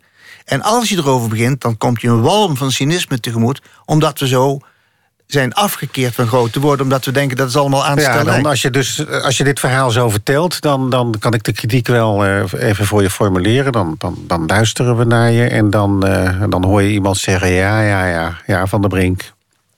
Ja, dat is zo'n katholieke jongen daar ergens uit de buurt van, eh, van, van, van Woensel... die daarna marxist is geworden en die nog steeds gelooft in een soort onbaatzuchtigheid... die al vele decennia geleden is, is verdwenen. Dat is wat je bedoelt, toch? Die walm van cynisme. Dat, zulke antwoorden krijg je natuurlijk, maar daar ben ik absoluut niet van onder de indruk, omdat ik juist geen filosoof meer ben die iets denkt, maar ik ben een hele serieuze eh, onderzoeker geworden die zich op de eerste plaats met de realiteit uiteenzet. En ik kan van alles wat ik beweer, kan ik de cijfers en de data en de gesprekken en de verslagen bijleveren. Dus ik ben heel empirisch daarin. Dus eh, dat zegt mij allemaal niks. Dat vind ik gewoon geblaas. Eh, ik weet waar ik het over heb, want ik breng die realiteit zo realistisch mogelijk in kaart. Dus ik heb een hele stevige basis om dit te beweren. Eh, en de meestal is het zo dat mensen die zulke bezwaren hebben, die hebben wel een duidelijke opinie, maar die hebben nooit iets onderzocht. Dus daar koop ik niks voor. Laat ik me überhaupt niet door intimideren. Maar hoe komt het dat we, dat we, dat we, dat we, dat we, dat we, dat we de woorden er niet meer voor hebben? Want dat zeg je. Je zegt, eh, we hebben eigenlijk een samenleving die, die, die bestaat uit, uit, uit groepen mensen die vanuit een enorme onbaatzuchtigheid voortdurend werken. Er Ja. is geen enkele reden tot, eh, tot cynisme. Dat hele idee dus om van een, van een hele alleen maar individualistische samenleving, dat ieder voor zich en God tegen ons allen, dat bestrijd jij. Ja, maar er is natuurlijk wel een reden waarom we die woorden niet hebben. En dat is ook het probleem. Dus eh, een van de voornaamste redenen om dit boek te schrijven is om weer woorden te vinden om het erover te hebben. Het hogere is een van die woorden. Nou, je mag het ook best anders invullen, maar het is een poging om weer termen te vinden om het met elkaar het gesprek te hebben over zulke dingen. Maar eh, dat die, dat die oude woorden zijn, zijn weggevallen is natuurlijk, heeft hele duidelijke redenen. Eh, om er maar eens eventjes drie te noemen eh, de grote denkers die, die de toon hebben gezet in de 20e eeuw, dat waren allemaal zeer kritische geesten. Marx, Nietzsche, Freud, eh, ook Heidegger en zo. Die, die, die allemaal hebben aangetoond dat het eh, mensbeeld, het christelijk mensbeeld, het humanistisch mensbeeld, dat daar niks van deugt. Dat het allemaal zelf bedrog is. En dat hebben ze, goed, hebben, hebben ze heel overtuigend aangetoond. En dat Ja, is- want er is niks meer over. Nee, precies. Tel uit je winst. Dus daar, daar stuiten we op het improductieve van de kritiek. Dus het is heel fijn om kritisch te zijn, vooral voor jezelf. Maar of dat nou ook meer begrip geeft van wat er in het werkelijke leven zich afspeelt, dat is, dat is de vraag. Want kritiek is gewoon aantonen dat een ander ongelijk heeft. Maar wat vind je nou zelf? Nou, daar waren de heren toch wat minder sterk in. En dat heeft school gemaakt. Dat heeft letterlijk school gemaakt, omdat dat we allemaal op school hebben gekregen. En dat is niet alleen een heel overtuigend verhaal geworden, maar dat is ook sterk natuurlijk door de gebeurtenissen van de 20e eeuw bevestigd. Hè? Twee wereldoorlogen, eh, wat kolonialisme, een hoop ellende elke, dag op de buis. Nou, hou dan maar eens vol dat er iets goeds in de mens steekt. Dan ben je wel erg naïef, is het verhaal. En dat is ook weer, ja, dat, is, eh, dat zijn opinies, beelden, indrukken. Maar daar heeft een onderzoeker eigenlijk niks aan. Dus het ontneemt ons de woorden, die, die zijn weg. Dat is waar. Maar als je het serieus onderzoekt, dan moet je toch uh, je op de eerste plaats met de feiten bezighouden. Zo eenvoudig is het. En met je ervaringen ook. Niet alleen met de feiten wetenschappelijk zijn, maar ook met je ervaringen. Als je nou gaat, eh, zelf nagaat in je eigen omgeving, of, of je gaat naar je eigen kring, wat je zelf kunt controleren. Hoeveel ervaringen hebben wij nou in Nederland met, met, met grof egoïsme en met uh, mensen die alleen maar hun eigen belang najagen? Ik heel weinig. Ik ga jou het antwoord uh, in, het volgende, in het volgende uur uh, geven. U luistert trouwens naar uh, Grote Woorden en de eerste gast vanavond is Gabriel van der Brink. En in het tweede uur ga ik hem, naar aanleiding van die grote woorden, ook even iets vragen over de man die dat begrip eikte. Dat was Frans Kellendonk. Dat was ik vergeten aan het begin van dit uur namelijk. Dat ga ik straks doen. En dan gaan we het ook hebben over de staat waarin Nederland verkeert. Thank you.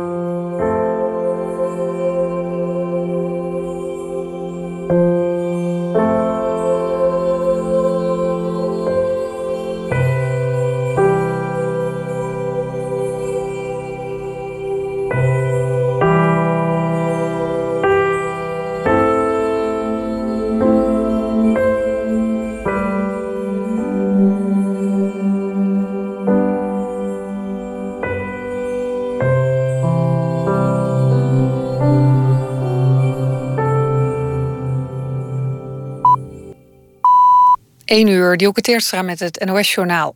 De Amerikaanse agent die vorig jaar een kind doodschoot dat een nepwapen droeg, gaat vrij uit. De blanke man schoot de zwarte jongen van 12 in Cleveland dood toen die het wapen trok. De agent dacht dat het echt was. Normaal gesproken zit er op nepwapens een oranje veiligheidssticker. Maar in dit geval was dat niet zo. Volgens de aanklager is er sprake van een menselijke fout en is er geen bewijs voor een misdrijf.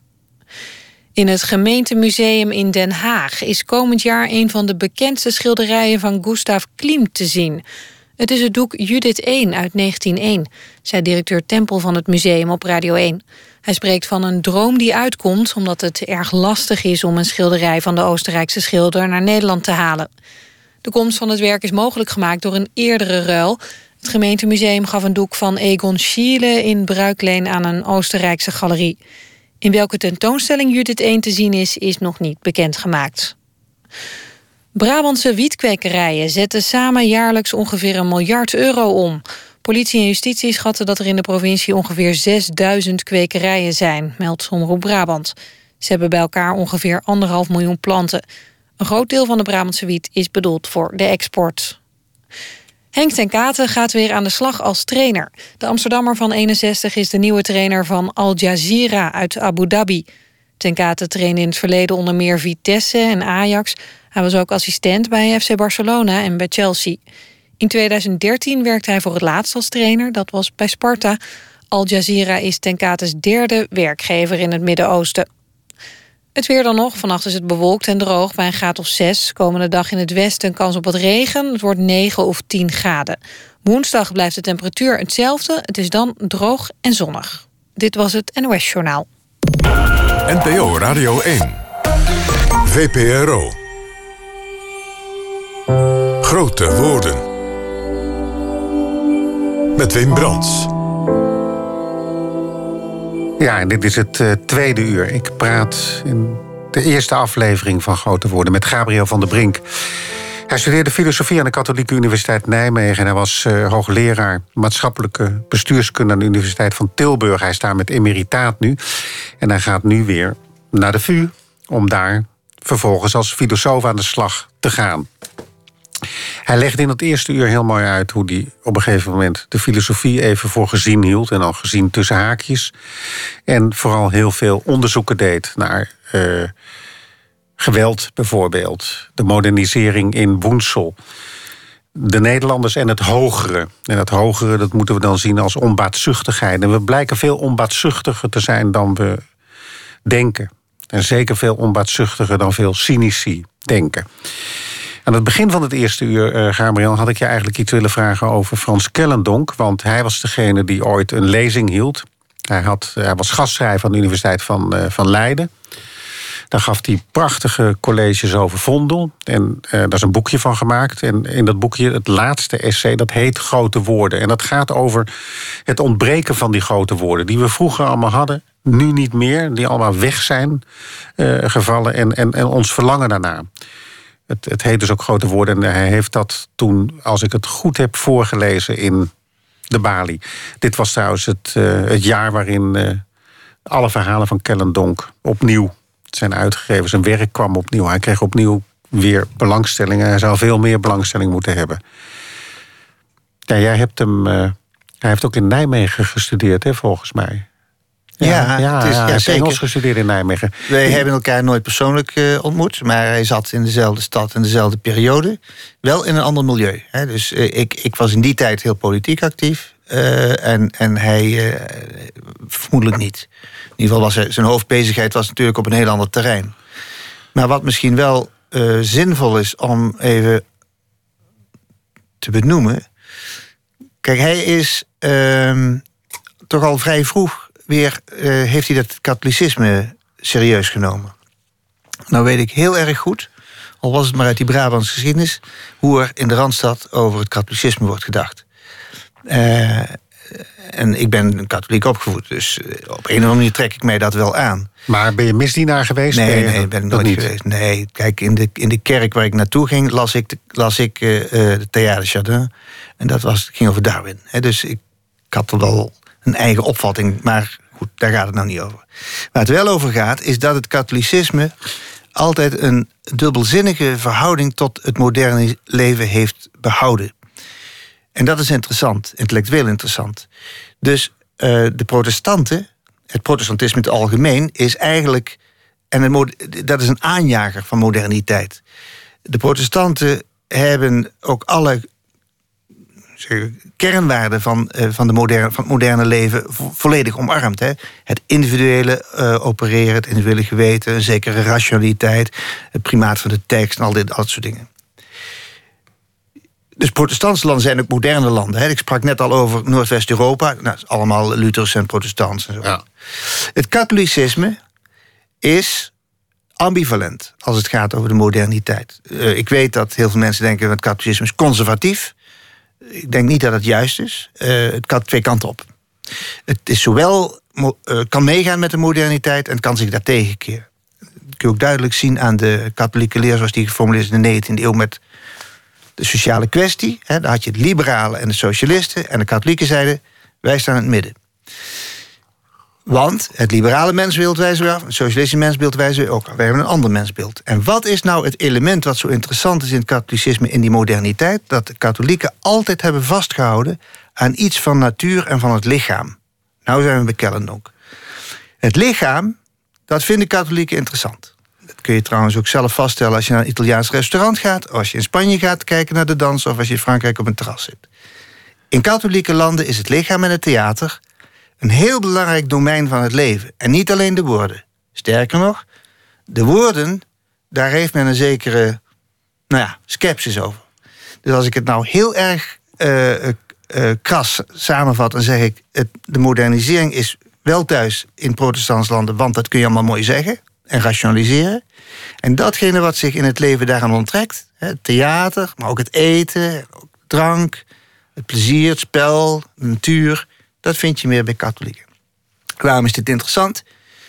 Uh, en ik denk dat we dan langzamerhand ook wel op weg gaan naar die morele staat van Nederland. Um, ik heb zelf, laat ik met een, met, een, met een soort bekentenis beginnen. Ik heb heel lang gedacht dat die moderniteit niet alleen iets goeds was, maar in wezen, maar ook wel ongeremd zich zou doorzetten. Dat er dus geen, eigenlijk geen echte weerstand tegen mogelijk was. Of dat als je je daartegen verzette, dat je dat toch ja, een beetje de, de vooruitgang tegenhoudt.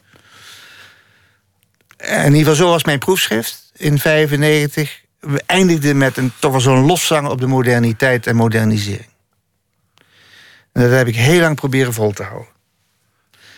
En ik heb toch de afgelopen tien jaar, tandenknarsend zal ik bijna zeggen, moeten onderkennen dat het niet waar is. En dat het moder de modernisering van, de, van het leven, van de samenleving, hoewel het enorm veel voordeel brengt, hè, we mogen daar niet te licht over denken. Ik bedoel, waarom komen al die vluchtelingen hier?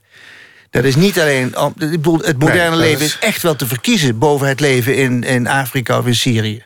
Dus het stelt wel wat voor. Maar het heeft een hele moeizame verhouding, het moderne leven, tot het lichaam. En je krijgt straks in de reeks nog uh, Marley Heijer over het ritme. Ja. Nou, moderne mensen hebben altijd haast. Want tijd is geld. En dat is natuurlijk leuk als je nog niet... Hè, eh, als, je, als je 20 uur in de week werkt, dan kan er nog heus wel 10 uur bij. Als je 30 uur in de week, kan er ook nog wel 10 uur bij. Maar als je nou 50 uur in de week werkt en je moet nog harder werken... waar ligt de grens? Nou, het is evident dat het lichaam een grens stelt. Want 80 in duur, dat is voor de meeste mensen niet weggelegd. En dan hebben we het nog niet eens over kinderen... of over dat je nacht- of een ochtendmens bent. Dus als die modernisering doorgaat en we krijgen alsmaar meer haast... en het wordt alsmaar rationeel ingericht... dan is er iets in het leven wat zich daartegen verzet. En dat heeft meestal te maken met onze natuur. Ruim genomen. Niet alleen het lichaam, maar ook onze neigingen die van natuur daar zijn. En daar heeft het katholicisme altijd een geweldig oog voor gehad. En ze, zelfs in theologische zin, ik kan dat niet helemaal checken, want ik ben geen theoloog, maar een vrienden theoloog die ook aan dat onderzoek heeft meegedaan, die heeft dat ook altijd herhaald. In de katholieke theologie wordt er in beginsel van uitgegaan dat de menselijke natuur goed is. Dus dat het goede en de natuur bij elkaar hoort. En dat het dus heel onverstandig is om tegen de menselijke natuur in te gaan. Nou, wat doet de moderniteit? En wat doen protestanten ook graag? Tegen de menselijke natuur ingaan. Nou, en daar is dus iets interessants, want die moderniteit heeft wel nadelen. En die worden het sterkst gevoeld door mensen die oog hebben voor die lichamelijke kant. Daarom is het katholicisme intellectueel interessant. En zij die dat benutten, hebben ook altijd kritische toevoegingen aan die moderniteit. Zonder daar maar nou per se tegen te zijn. Ik denk dat Kellendonk, ik weet het niet, maar ik denk dat Kellendonk best blij was met de uh, emancipatie van de homo's in Nederland. Ja. Maar mystiek lichaam is een notie die ver voorbij uh, de homoseksualiteit ligt. Uh -huh. Even nu we het over Kellendonk hebben... en nu we het over de morele staat van, uh, van, van Nederland gaan hebben... heb jij dit jaar iets gelezen, een roman, fictie, hè? of een toneelstuk gezien, of een film...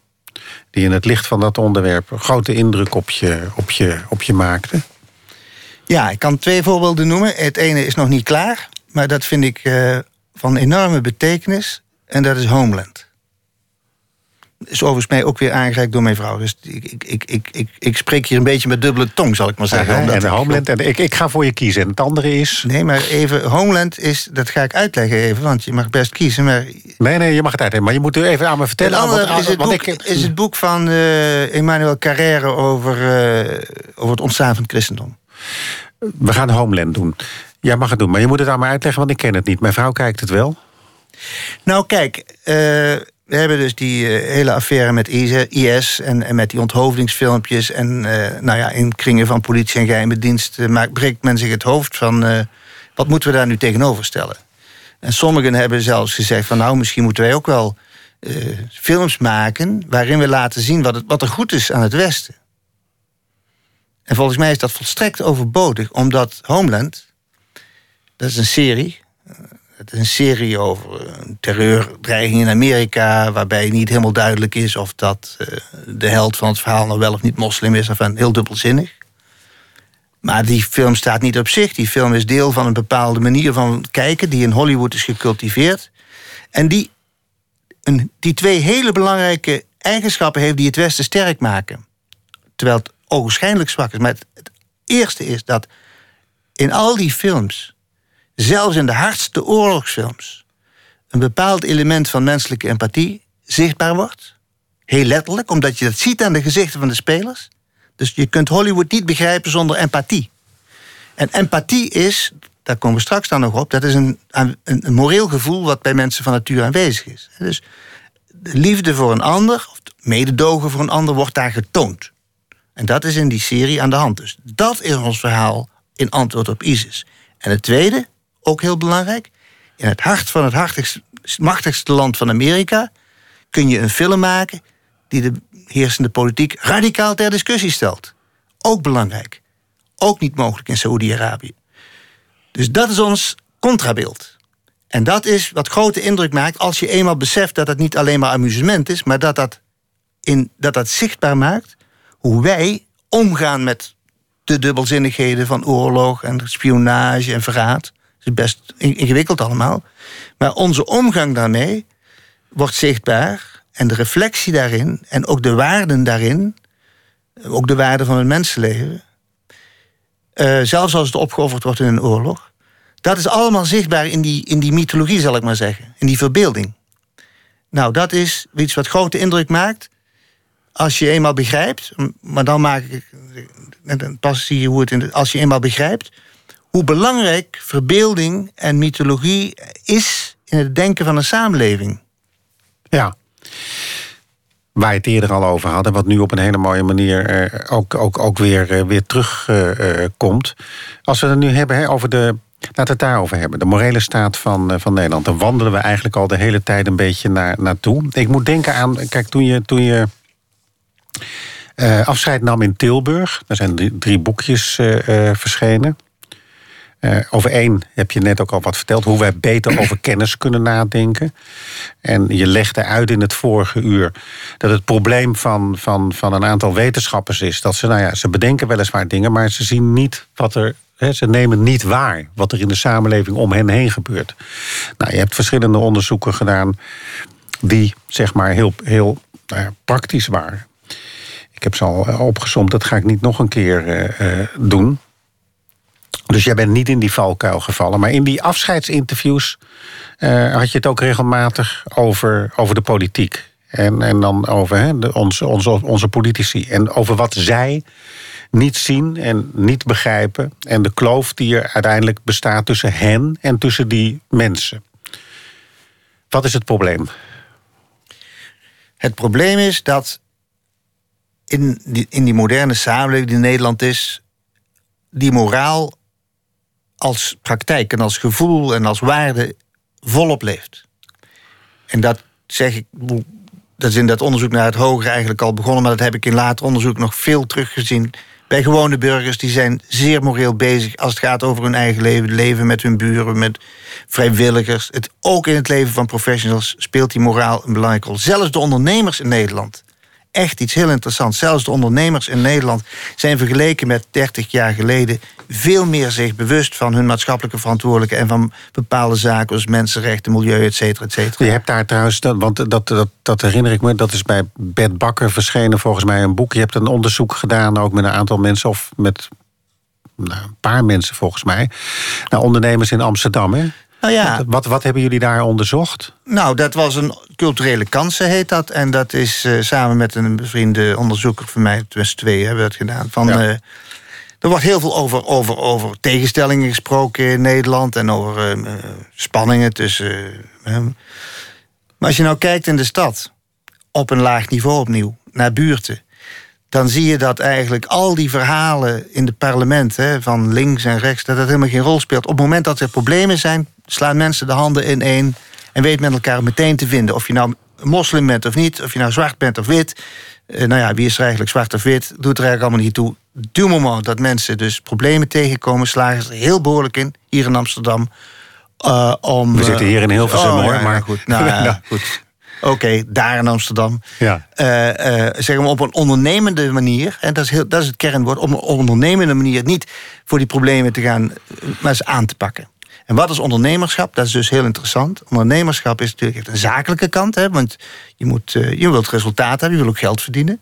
Maar ondernemerschap heeft ook altijd een bevlogen kant. Je wil iets wat er nog niet is. Je zou bijna kunnen zeggen, daar zit toch weer dat element van verbeelding in. wie dat niet heeft, wordt nooit een goede ondernemer. Nou, dat ondernemerschap is volop aan het bloeien. Overigens, ook buiten Amsterdam. Er zijn ongelooflijk veel ZZP'ers in Nederland. En de regering doet steeds maar voorkomen alsof dat allemaal afgekeurde uh, postbodes zijn. Een paar. Maar de meeste mensen die ZZP'er zijn, doen dat omdat ze voor zichzelf iets moois willen neerzetten. Dus dat is enorm, juist door die moderne samenleving, gaan bloeien. En dat is niet puur egoïsme, maar dat is een interessante mix van uh, iets voor de samenleving, voor andere mensen betekenen. Hoeft niet altijd in het groot, kan ook klein zijn. Hè? En je eigen zaak draaien. Nou, en de grote ondernemingen, want dit zijn nog de kleine, de grote ondernemingen. Unilever, DSM, ook Shell, zijn veel meer dan vroeger bezig met serieuze agendas op het gebied van duurzaamheid, mensenrechten, milieu, klimaatverandering, et cetera. Daar is iets veranderd. Eventjes over die ondernemers. Wat, wat was, wat was, wat was, hoeveel ondernemers hebben jullie ongeveer gesproken, denk je? Ja, in het Amsterdamse boekje zijn het er niet meer dan uh, een stuk of uh, dertig of zo. Ja. En met een. Met een, met een, met nee, een... het zijn kleine ondernemers. Dat ja. is gewoon op een lokaal niveau. En wat was. Wat was wat, want je, je zei er al eerder dat je soms dingen op, op intuïtie begin je aan iets. Zoals dat onderzoek naar het hogere. Wat was dat in dit geval bij die ondernemers? Wat was, wat, was, wat, was, wat was je intuïtieve vraag? Nou, dat is. Uh, kijk, als, wij hebben een onderzoek gedaan naar zogenaamde best persons. En wat zijn best persons? Dat zijn uh, maatschappelijk werkers, onderwijzers, politieagenten die in achterstandsbuurten de zaken ontzettend goed kunnen oplossen. Dat lijkt heel gewoon, maar dat is niet zo. De meeste mensen in die wijken werken, die, die bakken er niks van. Sommige mensen kunnen dat wel. Ja. En die noemen wij best persons. Dat zijn dus geen best practices, dat zijn best. En, en, en daar hebben we een boek over gemaakt. En de grote vraag was, wat zijn dat voor mensen? Hoe kan dat? Dat zij problemen, bijvoorbeeld met probleemgezinnen, met migranten, met rondhangende jongeren, noem maar op. Waarom kunnen ze die oplossen? Of althans. Uh... En toen bleek dat die best persons twee kwaliteiten in zich verenigen die meestal gescheiden voorkomen, namelijk ondernemerschap. Dus inderdaad een eigen zaak draaien, er hard voor gaan en mooi hè, geld verdienen, zakelijk zijn, en resultaat scoren. Dus die houding. Gecombineerd met een enorme betrokkenheid op andere mensen. Dus daar zie je een soort van ondernemerschap... wat niet past in het beeld van het kapitalisme... van allemaal marktwerking en winst en aandelen. Ieder voor zich, God tegen ons allen. Heeft niks mee te maken. Het is een maatschappelijke vorm van ondernemerschap... waarbij wel die ondernemende houding uh, enorm sterk aanwezig is... maar in een maatschappelijke context. En waarom is dat nou zo interessant? Wij hebben in Europa, keer ik even terug naar de lange geschiedenis... in Europa vanaf de middeleeuwen, vanaf de vroege middeleeuwen... altijd ondernemers gehad. Die boeren en die wevers in Woensel... die waren ondernemend. Die waren geen werknemers, die waren geen employés... die waren geen ambtenaar, die waren ondernemers. Die moesten, natuurlijk door de situatie gedwongen... keihard werken om de volgende oogst binnen te halen. Maar die namen zelf risico, waren eigen baas. En dat is in Europa een hele oude traditie. En nou ja, daar moeten de economen en de economische historici maar uh, uh, het laatste woord in hebben. Maar ik vermoed, dat zou een stelling van mij zijn, dat dat een van de drijvende krachten is achter het succes van West-Europa. Dus waarom is West-Europa zo rijk geworden? Niet alleen omdat er geroofd is in Afrika en Indonesië. Ik dat is gebeurd. Dat heeft wel heus wel iets toegevoegd aan het Rijk. Maar de grootste, een van de grootste motoren achter de rijkdom van het Westen is het ondernemerschap. Overigens citeer ik hier bijna Marx. Ja. Dat schrijft hij in het Communist Manifest. En dat besef is te weinig uh, in het zelfbeeld van Europa eigenlijk uh, uh, aanwezig. Wij, doen, wij zijn zeer terecht, zeer schuldbewust over het kolonialisme.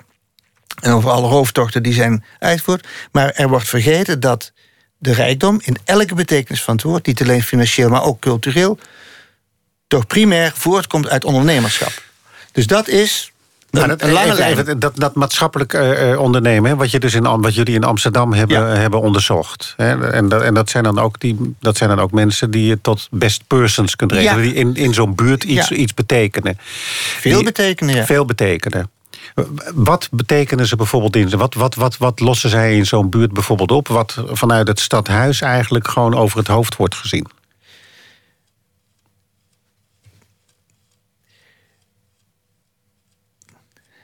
In het stadhuis uh, volgt men een procedure.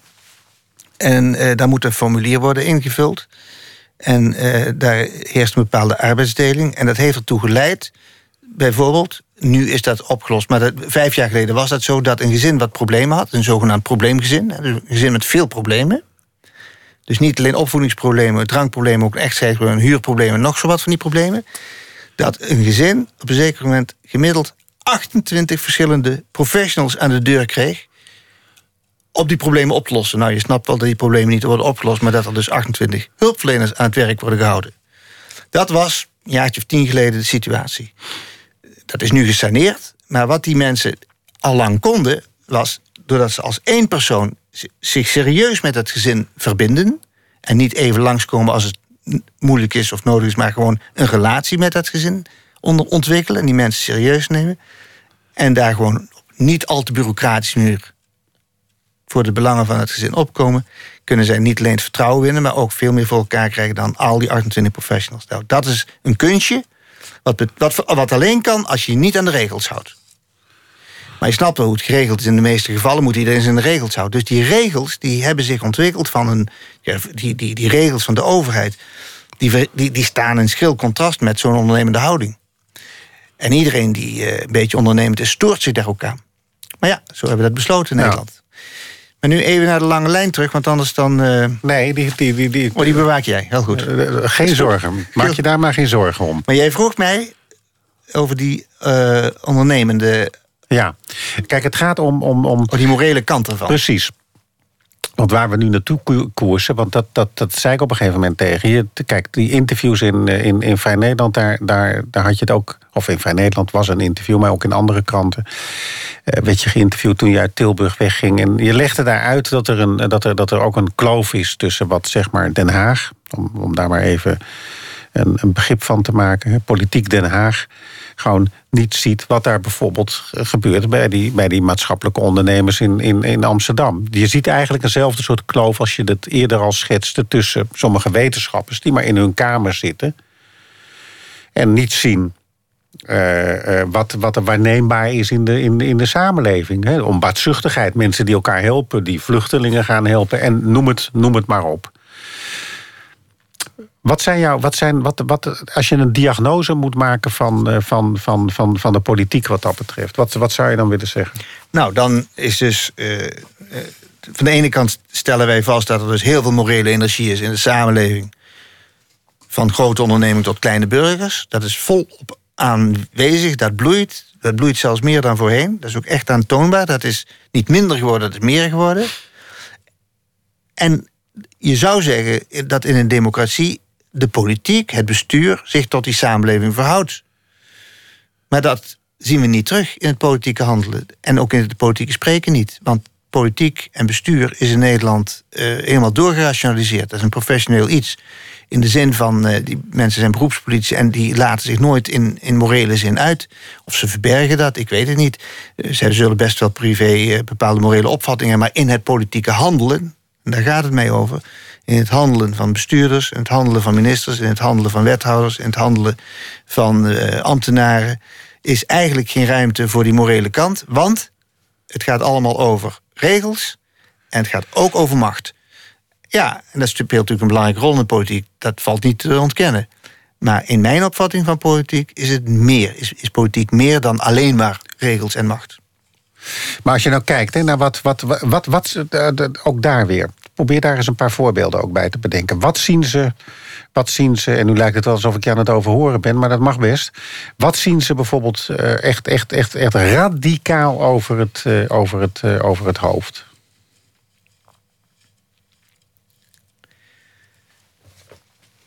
Nou, laat ik, laat ik iets citeren uit een proefschrift van een promovenda van mij. Klaartje Pons. Die heeft een proefschrift geschreven over die politieke onvrede. En die is gaan praten met uh, PVV-stemmers aan de keukentafel. En heeft gevraagd, nou, oké, jullie uh, grote bezwaren tegen Den Haag... zitten allemaal zakkenvullers. Wat, wat, wat is het nou? Wat, wat, waar stoor je nou aan? Wat zijn nou de bezwaren?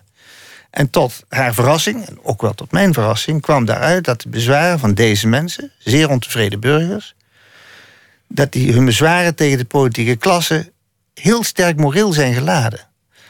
Dus zij vinden niet alleen het beleid, bijvoorbeeld ten aanzien van de zorg, de bezuiniging op de ouderenzorg, onrechtvaardig.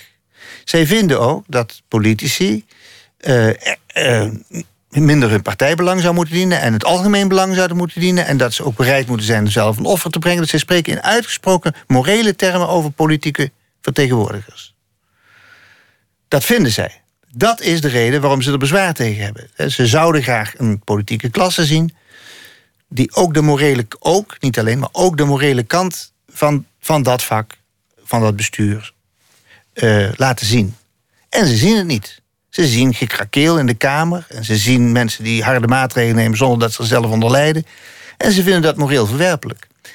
Nou ben ik niet naïef en we moeten ook een beetje oppassen door te zeggen van nou laat de politiek dan alleen maar moreel geladen zijn. Zo is het natuurlijk niet. Je hebt ook te maken met, uh, met rechtsstaat, je hebt te maken met allerlei. Maar, maar waar het over gaat is dat dit een enorme discrepantie is tussen de kiezers die dus heel morele verwachtingen hebben van de politiek en de ongelooflijke onwil van politici en ook van ambtenaren wel... om ook maar één millimeter ruimte voor morele overwegingen te laten. Want dat is allemaal regels en procedures. En dat botst geweldig. Ik moet nu trouwens even denken aan, aan, aan uh, een man uit, uh, ik, ik noemde hem al eerder, uit, uit, uit jullie studie uh, naar het hogere. Dat was die man die in, in, in de sportschool werkte in, in Den Haag. Ja, hoe, hoe zat dat ook alweer? Dat, hij, hij, hij dat was een PVV-stemmer volgens die mij. Die stemde PVV, het onvrede, ja. En verder had hij een sportschool waar allemaal Marokkanen kwamen, Turken. En daar ging hij prima mee om. Ja, precies. Dus als je keek naar wat hij zei... Ja. Dat, dan was, ja, wilde ja. ze allemaal het land uit hebben. En als je dan vervolgens in de sportschool ging kijken wat jullie gedaan hebben... dan zag je dat hij een soort vertrouwenspersoon was voor de jongens. Maar nou, nou wil ik toch iets toevoegen. Want wat, wat mij door de gedachten speelt... en wat ook wel van belang is voor zeggen, de komende jaren. Als ik, dus ik, je zei al, ik ga weer als filosoof aan de slag. Aan de VU. Dus ik ga ook wat meer op iets abstracter nadenken over al deze dingen. En... Um, een hele belangrijke opgave lijkt mij te zijn dat we voorbij de tegenstellingen gaan denken. En waarom zeg ik dat? Het politieke leven in Nederland, het publieke leven in Nederland, maar ook de openbare discussie in Nederland, de meningsvorming in Nederland, is heel erg in het teken komen te staan van tegenstellingen. Overigens niet alleen in Nederland. Dat is in de westerse wereld algemeen zo. Kijk ook maar naar Amerika. Het is behoorlijk gepolariseerd. En nou zou je in de verleiding kunnen komen om te zeggen... ja, dat is nogal wie dat het zo gepolariseerd is... want uh, de vluchtelingen is een groot probleem... de economische crisis was een groot probleem... de uitbreiding van de Europese Unie was een groot probleem. Logisch dat die grote problemen uh, tot tegenstellingen leiden. Dat is toch maar de helft van de zaak. Er is ook een andere reden waarom die tegenstellingen zo opspelen. En dat heeft te maken met dat verschil tussen wat je zelf kunt ervaren aan werkelijkheid en de manier waarop het in het groot verschijnt. Wat je zelf kunt ervaren, ik, ik ervaar in mijn directe omgeving en trouwens ook in mijn werk, maar eigenlijk heel weinig echte, echte tegenstellingen. Ik wel grote verschillen van mening, maar gewoon dat de zaken nu echt botsen, kom ik eigenlijk niet tegen. Ik kom nooit zwarte en witte mensen tegen, zal ik maar zeggen. En eh, die komen volgens mij in Nederland helemaal niet tegen. Want wie is er nou eigenlijk helemaal zwart? Of wie is er helemaal wit? Dat bestaat eigenlijk niet. Dus in de, allerlei kleurverschillen heb je natuurlijk wel. En bovendien, die kleurverschillen zijn ook degelijk gebonden aan bijvoorbeeld discriminatie op de arbeidsmarkt of allerlei beelden. Maar het debat over zwart versus wit, dus dat die verschillen zo worden opgeblazen dat het echt een confrontatie wordt van zwart tegen wit, of man tegen vrouw, of rijk tegen arm, of links tegen rechts, dat is even is interessant. Want dat betekent dat wij in het openbare leven, en daar spelen de media een belangrijke rol in, um, in een soort mythologische, in de mythologische logica treden. He, Levi Strauss heeft al gezegd, de mythologie bestaat met gratie van de oppositie. De held, een schurk, goed versus kwaad, hoog tegen laag. Zo werkt onze publieke verbeelding. En op een of andere manier is dus die publieke verbeelding de afgelopen 10, 20, 30 jaar erg verhit geraakt. Heeft natuurlijk ook veel te maken met beelden die intensief rondgaan. Dus als er ergens een klein incident is, bijvoorbeeld een Marokkaan spuugt een uh, buschauffeur in Gouda in het gezicht, dat is natuurlijk een verwerpelijk iets, evident. Maar, ja, een dag later, gelijk zes televisieploegen. Een dag later staat iemand te roepen in de Tweede Kamer: stuur het leger naar Gouda. Wat is dit? Hoe komt het dat zo'n relatief klein incident zo wordt opgeblazen dat het leger naar Gouda moet? En dit doen wij allemaal. Ik heb daar niet per se een antwoord op, maar wat ik wel weet, is dat door die beeldenvermenigvuldiging het zicht op de werkelijkheid en ook op de proportie van de werkelijkheid verloren gaat. En dat is een groot probleem. En dat vind ik dus iets wat eigenlijk uh, een nieuwe doordenking vraagt. En wat ook heel belangrijk is in filosofisch opzicht. Want uh, ja, ons eigen denken, ook het filosofisch denken, daarin spelen tegenstellingen natuurlijk een belangrijke rol. Hè? Iets is waar of iets is niet waar. Nou, wat je nu vertelde, nu moet ik opeens denken aan een uh, oude collega van me, Rick Saal. Die heeft heel lang voor de VPRO Radio gewerkt. En die heeft. Uh, die is door heel Nederland gewandeld. Hij heeft heel Nederland in kaart gebracht waar je naartoe kunt. Zo. Dat zijn mooie boeken geworden trouwens. Maar één ding herinner ik me toen die daarover ondervraagd werd. Toen dacht ik, hé, hey, dat is grappig. Daar had ik nog nooit zo bij stilgestaan. Toen zei hij, nou kijk, als je nou door dat Nederland wandelt en naar mensen luistert en mensen ontmoet. Gerard van Westerlo van Vrij Nederland heeft dat, uh, heeft dat voor Vrij Nederland ook gedaan. Dan hoor je een hele andere toon dan wanneer je naar het uh, Radio 1-journaal zit te luisteren, om maar eens wat te noemen. Dat is het. En dan heb je het nog niet eens over televisie. En je hebt het nog niet eens over de in bergen van ellende die dag in dag uit via de televisie tot ons komen. Mijn stelling zou zijn, hè, omdat ik die natuur toch interessant vind, dat wij niet gebouwd zijn om die hoeveelheid ellende tot ons te nemen. Daar zijn wij, dat, dat kunnen wij niet echt aan. En zeker niet de mensen die iets gevoeliger zijn in moreel opzicht. Die voelen zich daardoor enorm machteloos. En toch gaat die stroom eindeloos door. Wat doet dat nou met ons? En dat is een heel andere realiteit, inderdaad, dan die dorpen waar hij langs gewandeld is, of die wijken die ik bestudeer, of die, ziekenhuisafdeling die zijn werk doet, of die juffrouw die voor de klas staat. Dus die, het gaat er hier om, daar wordt werkelijkheid. Welk, over welke werkelijkheid hebben wij het? Is het een werkelijkheid die als het ware tastbaar is, die mensen aan den lijve ervaren en die intermenselijke betrekkingen uh, vooronderstelt? want dat is niet anoniem, dat is kleinschalig. Daar speelt moraal een rol. Of hebben wij het over die werkelijkheid waarin de tegenstellingen fel op elkaar botsen en waar ogenschijnlijk ook wel een morele stellingname wordt gevraagd, maar waarbij de morele gevoelens, zoals we die van nature hebben, eigenlijk geen kans krijgen. Ja, maar laten we eens een denkexperiment doen aan het einde van. eh, nou, niet het einde, we hebben nog even, maar in het tweede uur. Ehm, want je zei. Voordat, voordat we hier de studio in gingen. Je hebt, je hebt recent, eh, volgens mij ook, ben je, ben ondervraagd eh, over, eh, over de, de opstanden die losbraken. toen er vluchtelingen, Geldermals, moesten komen. Hoeveel waren het er? 1500. Daar heb je al heel veel over gezegd. Maar we gaan het daar nu over hebben, maar dan in de vorm van een denkexperiment. En dat is heel simpel, dat gaat als volgt. Ervan uitgaande dat mensen redelijk onbaatzuchtig zijn. Ook die mensen in Geldermals. En dan vergeten we nu eh, verder Gelsen, maar Geldermals, dat had ook ergens anders kunnen zijn. Daar gaan we vanuit, zijn onbaatzuchtig. Die mensen krijgen te horen dat er 1500 vluchtelingen in hun, in hun dorp komen wonen. En die, eh, die worden boos. Die boosheid krijgen we op televisie te zien. Die explodeert werkelijk. Je krijgt echt, hè, dat is weer in de term van de tegenstellingen. Je denkt echt van, jezus mina, hier breekt de hel los. Want zo willen we dat gepresenteerd hebben. De politiek reageert daar vervolgens natuurlijk weer op door te zeggen: ja, ze moeten ook helemaal niet eh, in dit land komen, die vluchtelingen. Ene deel van de politiek, andere deel zegt nee, natuurlijk wel, die mensen in Geldermalsen zijn volkomen gestoord. Stel je voor dat je een, een blauwdruk zou mogen schetsen van hoe je dat anders zou kunnen doen. Dus vanuit de politiek gedacht, vanuit de gemeente gedacht, vanuit die mensen gedacht. En vanuit wat je nu tot nu toe allemaal verteld hebt over die onbaatzuchtigheid, over dat hoger. Wat, wat zou je dan, wat, Ja. wat gaan we dan doen?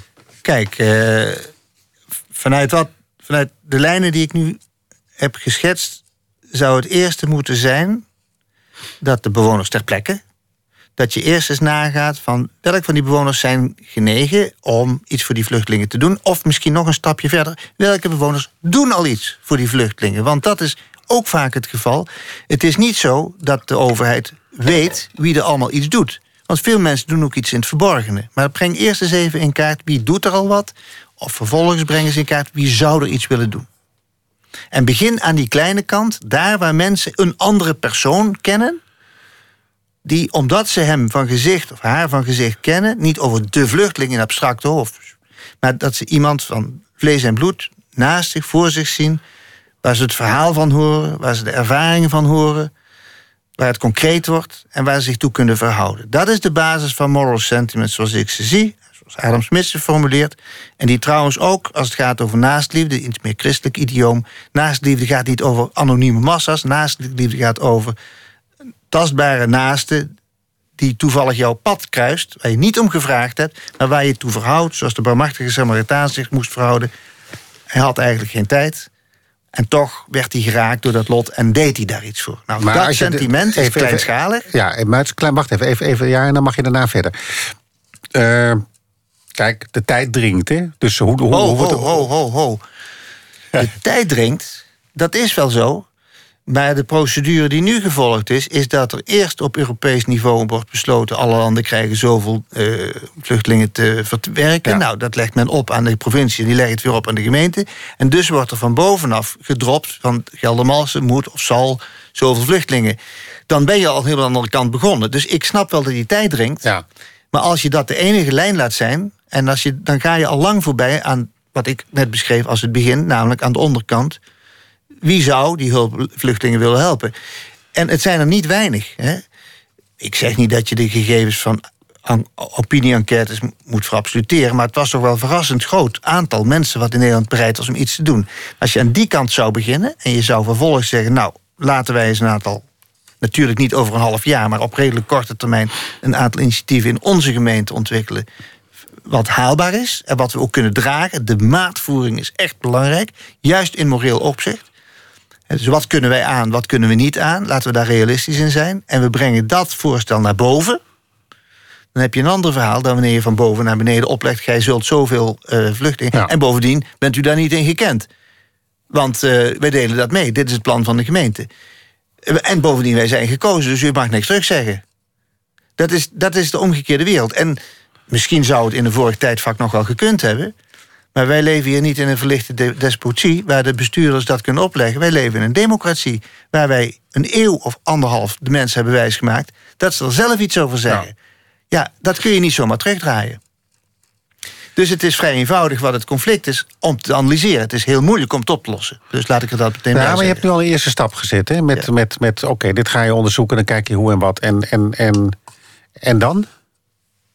Ja, en dan, dan mobiliseer je natuurlijk iedereen die bereid is om iets te doen. Op ieder op eigen wijze. De een wil geld geven, de ander biedt onderdak... een derde zet een eh, tent op, weet ik wat ze allemaal kunnen. Er zijn zoveel mensen. Bedrijven willen iets doen. De kerk wil iets doen. De buurt wil iets doen. De bakker eh, stelt gratis brood ter beschikking. Er zijn zoveel praktische vormen... waarin mensen hun goede bedoelingen kunnen eh, manifesteren. Dan is het verder een kwestie van een handige jongen of dame aan het werk zetten om dat te coördineren. En de gemeente zegt, nou fijn dat u dat doet. Dus de burgerlijke maatschappij, om het maar eventjes in theoretische termen te zeggen, moet aan het werk gezet worden. Of voor zover ze initiatieven neemt, moet de kans krijgen om dat te ontplooien. En daar moet de overheid blij mee zijn. Dus het is een omkering van de, van de, van de volgorde. Ja. En het voordeel is dat, dat je de mensen met je mee hebt in plaats van tegen je in het harnas jaagt. Ja, en ja, wa- wat dus nu gebeurt. Dus Ja. nu, heb je, hè, nu, nu, nu is er een soort bandvloek over die, over die hele gemeenschap Ja, uitgesproken. nee, wat er nu gebeurt is dat er twee soorten Nederland zijn... door dit soort incidenten, het goede en het foute deel... waarbij elk deel het andere natuurlijk als het foute definieert. Je hebt naïeve Nederlanders die de vluchtelingen wel helpen... die snappen niet dat het allemaal terroristen zijn. Denkt men aan de rechterzijde of... En die andere, die, die, die, die, die, die, goedwillende eh, hulpverleners... die denken natuurlijk allemaal bekrompen nationalisten. Dus het is wel heel erg gepolariseerd nu. Dat helpt ook niet.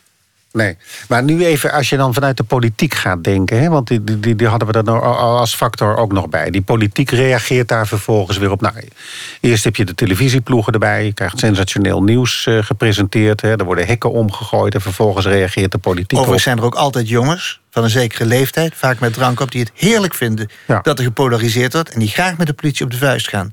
Dat zit er doorheen. Hè? En, en dat zoekt dit soort gelegenheden op. Ook niet zo leuk. Maar ja, eh, je zou daar maar beter rekening mee kunnen houden. Maar dat die politiek, hè, want dat is een beetje de leidraad van dit hele eh, van, van, van, van, van dit gesprek, zijn ogen sluit voor zeg maar eh, die bereidheid om elkaar te helpen, die jij in de samenleving voortdurend signaleert. Denk jij wel eens bij jezelf dat het een naïeve gedachte is, trouwens? Wat? Wat je beweert? Dat denk ik voortdurend.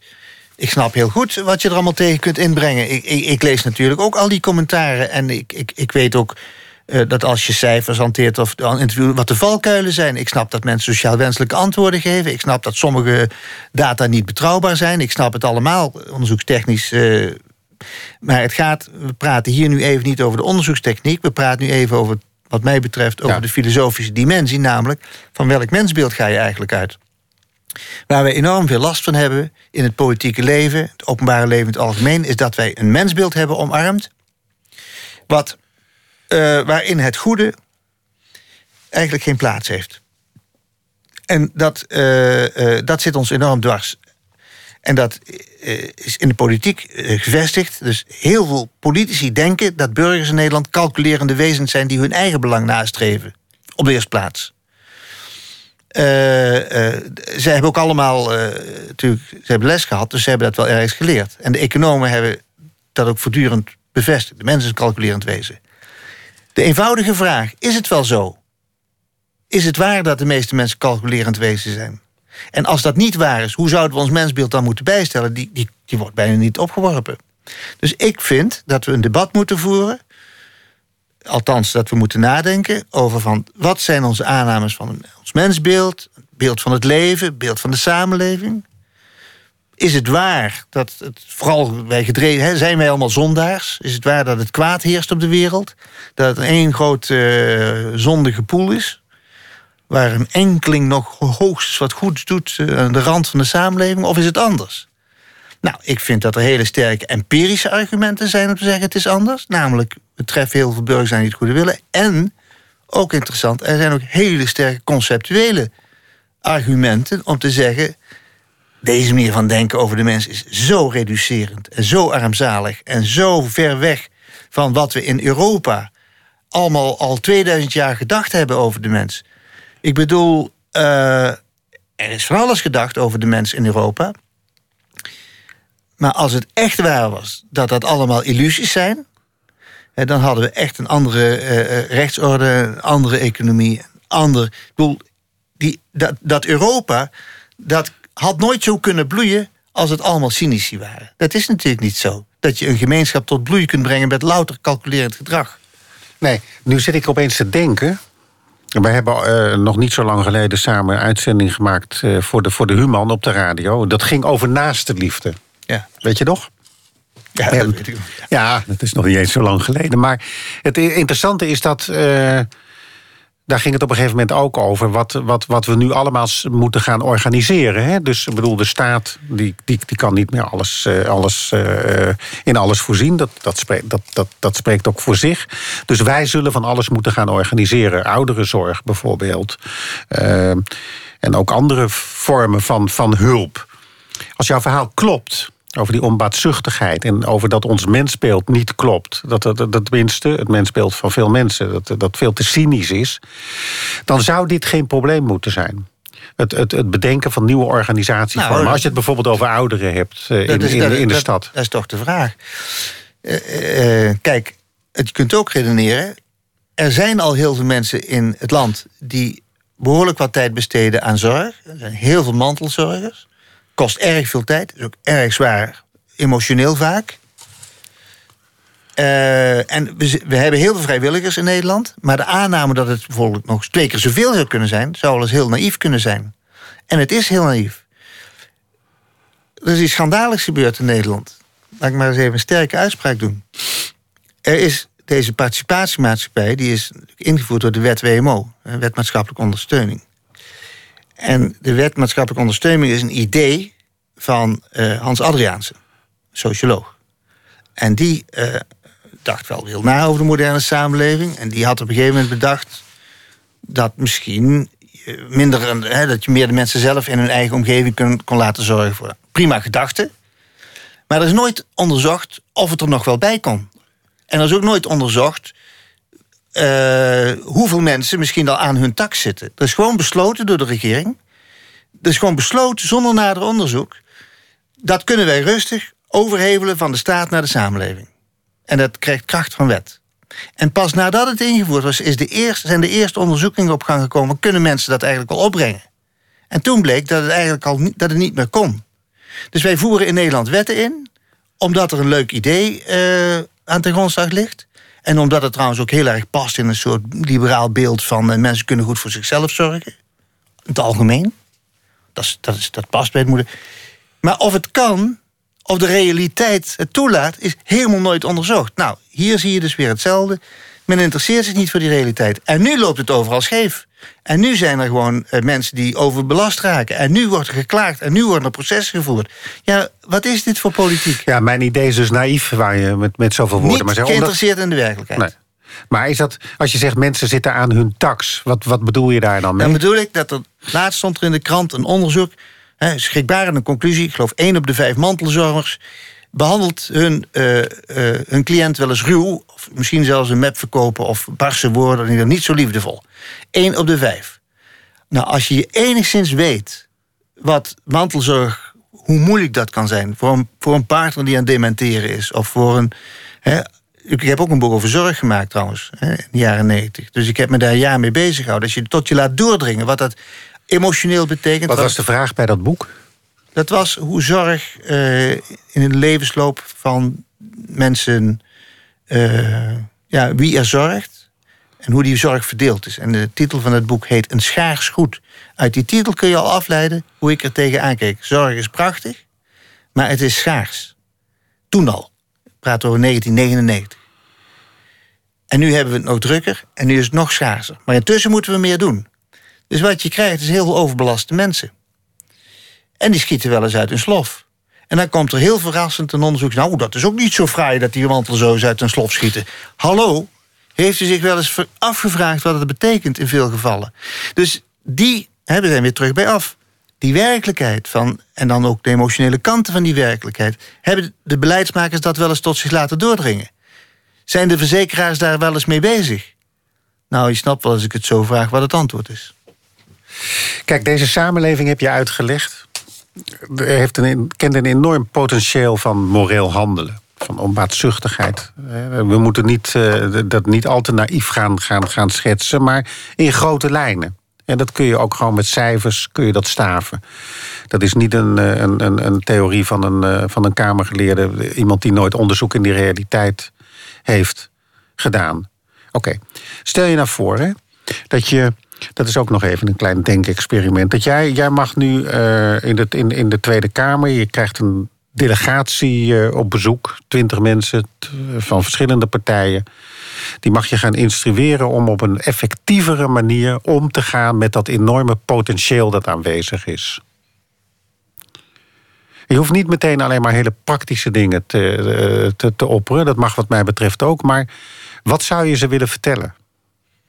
Nou, in wezen wat wij in het slothoofdstuk van het uh, onderzoek van Lagerland het Hoger ook vertellen, namelijk dat uh, het geen kwaad zou kunnen in Nederland, dat is een understatement, als we de civil society weer wat meer tot bloei lieten komen. En de civil society, dat is dus gewoon hè, eigenlijk een burgerlijke maatschappij. Dat is dus die, dat deel van de samenleving waar mensen op vrijwillige basis uh, iets doen. Dat kan zijn voor de voetbalclub, dat kan zijn voor het museum, het kan ook zijn in de zorg.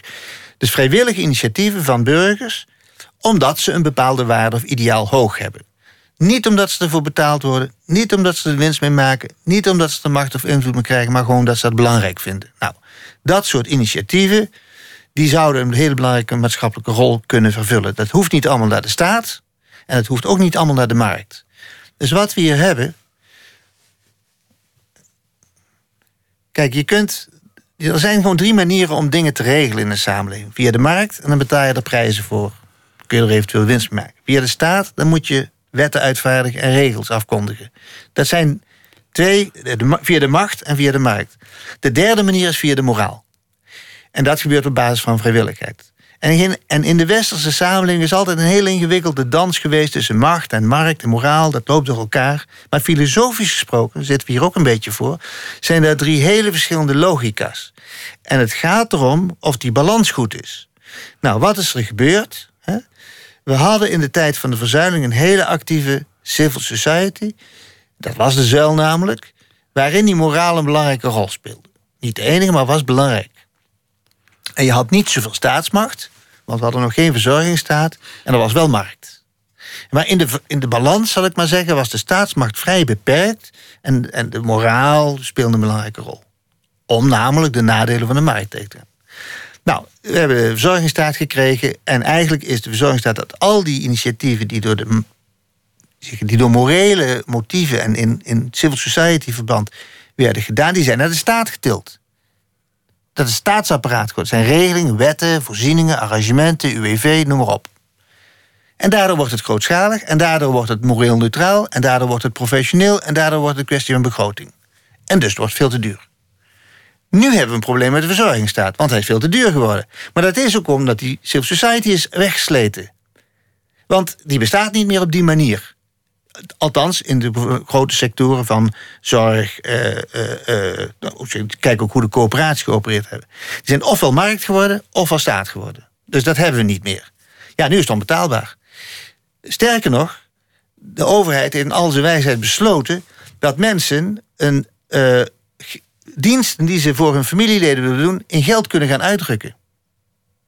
Snap je? Dus daar wordt van een familieverhouding, je doet iets voor je kinderen, je doet iets voor je ouders, wordt een geldverhouding gemaakt. Ja, uh, we zijn niet gek in Nederland, dus dat geld gaan we incasseren. Maar daarmee herdefinieer je de verhouding. Ja. Van een, je, wordt, je maakt een contractverhouding, namelijk geldbetaling in ruil voor je recht hebt op dit en dat, wat eerst een intermenselijke verhouding was. Nou, dat is dus, om even het verhaal uh, een bocht te geven, dat is een vorm van moderniseren die ik bestrijd. Uh, niet zozeer politiek, want ik zit niet in de politiek, maar als denker. Die manier van moderniseren, waarbij eenzijdig de kaarten worden gezet op rationalisering en grootschalig, grootschaligheid, ten koste van de intermenselijke verhoudingen, de kleine schaal en de morele potentie daarvan, is op den duur gedoemd. Want het is altijd een mixture. En die balans is niet goed. En daar hebben de jaren 80 en 90 en ook nu nog die zijn allemaal op die markt gaan zitten. Dus die maken daar geldverhoudingen van. Ja, ja dat, dat haal je gewoon niet. Dus dat is dat. dat Dus daarom, eh, eh, ja, je moet er maar opkomen om de zorg, bijvoorbeeld. Wat echt helemaal gaat over intermenselijke verhoudingen en over aandacht en liefde en ook een beetje genezen wel natuurlijk. Hè. De pillen moeten er ook zijn.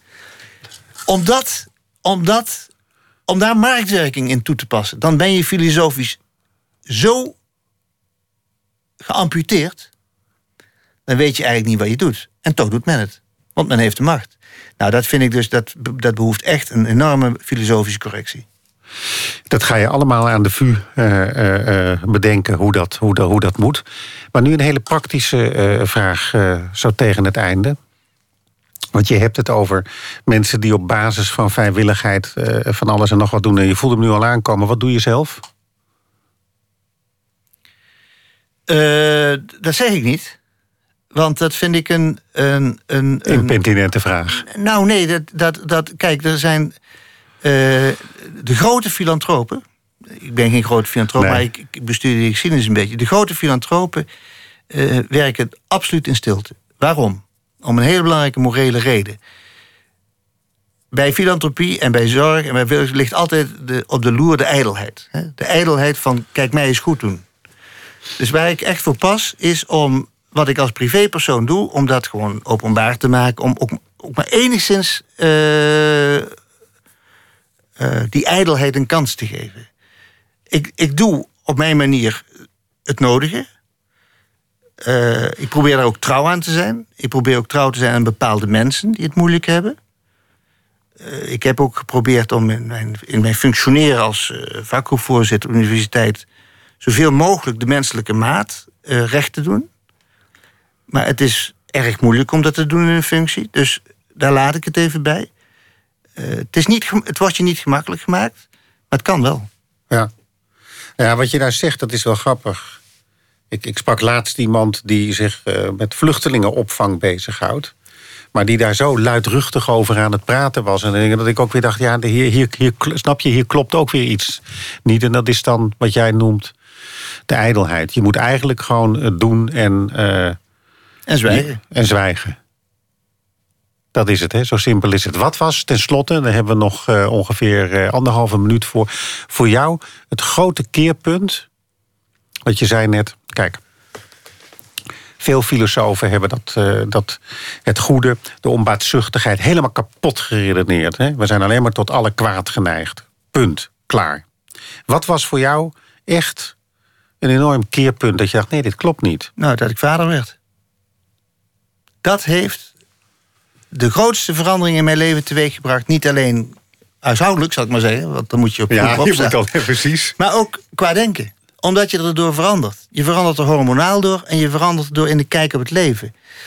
En dat heeft zo'n enorme verandering in mij teweeggebracht. En dat spoorde ook wel met dat onderzoek naar, uh, naar Woensel. Dus als je zelf voor kinderen moet zorgen, dan kijk je heel anders aan tegen de staat en tegen de politie en tegen het onderwijs. Dan is op tijd komen een belangrijk iets. En die ervaring, die is van enorme betekenis voor het denken. En ik geloof dat heel veel eh, postmodernisten en andere mensen die van allerlei wilde dingen denken, dat die geen kinderen hebben. Of dat die niet de ervaring van het kinderen hebben tot zich laten doordringen in hun denken. Ja. Dit lijkt me een prachtig einde Gabriel. Daar gaan we de rest van de nacht nog over, over nadenken. Dat ik vader werd. Als, als, als keerpunt. Mooi antwoord. Ik sprak eh, in deze eerste aflevering van Grote Woorden met Gabriel van der Brink. En uh, er verscheen een hele mooie cassette met drie boekjes. Die hij schreef omwille van de publieke zaken die bijdragen vanuit de maatschappelijke bestuurskunde. Morgenavond praat ik in deze reeks die een week gaat duren met Marley Huijer, Denken des Vaderlands. Woensdagavond praat ik met Maarten van Buren. Dat gaat over de tien geboden. Donderdagavond met A.W. Prins. En dan gaan we een filosofie van de alledaagsheid uh, ontvouwen. En vrijdagavond met Casper Thomas. Hij werkte voor de Wetenschappelijke Raad voor het Regeringsbeleid, nu voor de Groene Amsterdammer. En hij heeft de Maagdenhuisbezetting, de laatste, vanuit een heel verrassend positief licht beschreven. Dat de rest van de week. En voor nu, weer luisterde, wel trusten.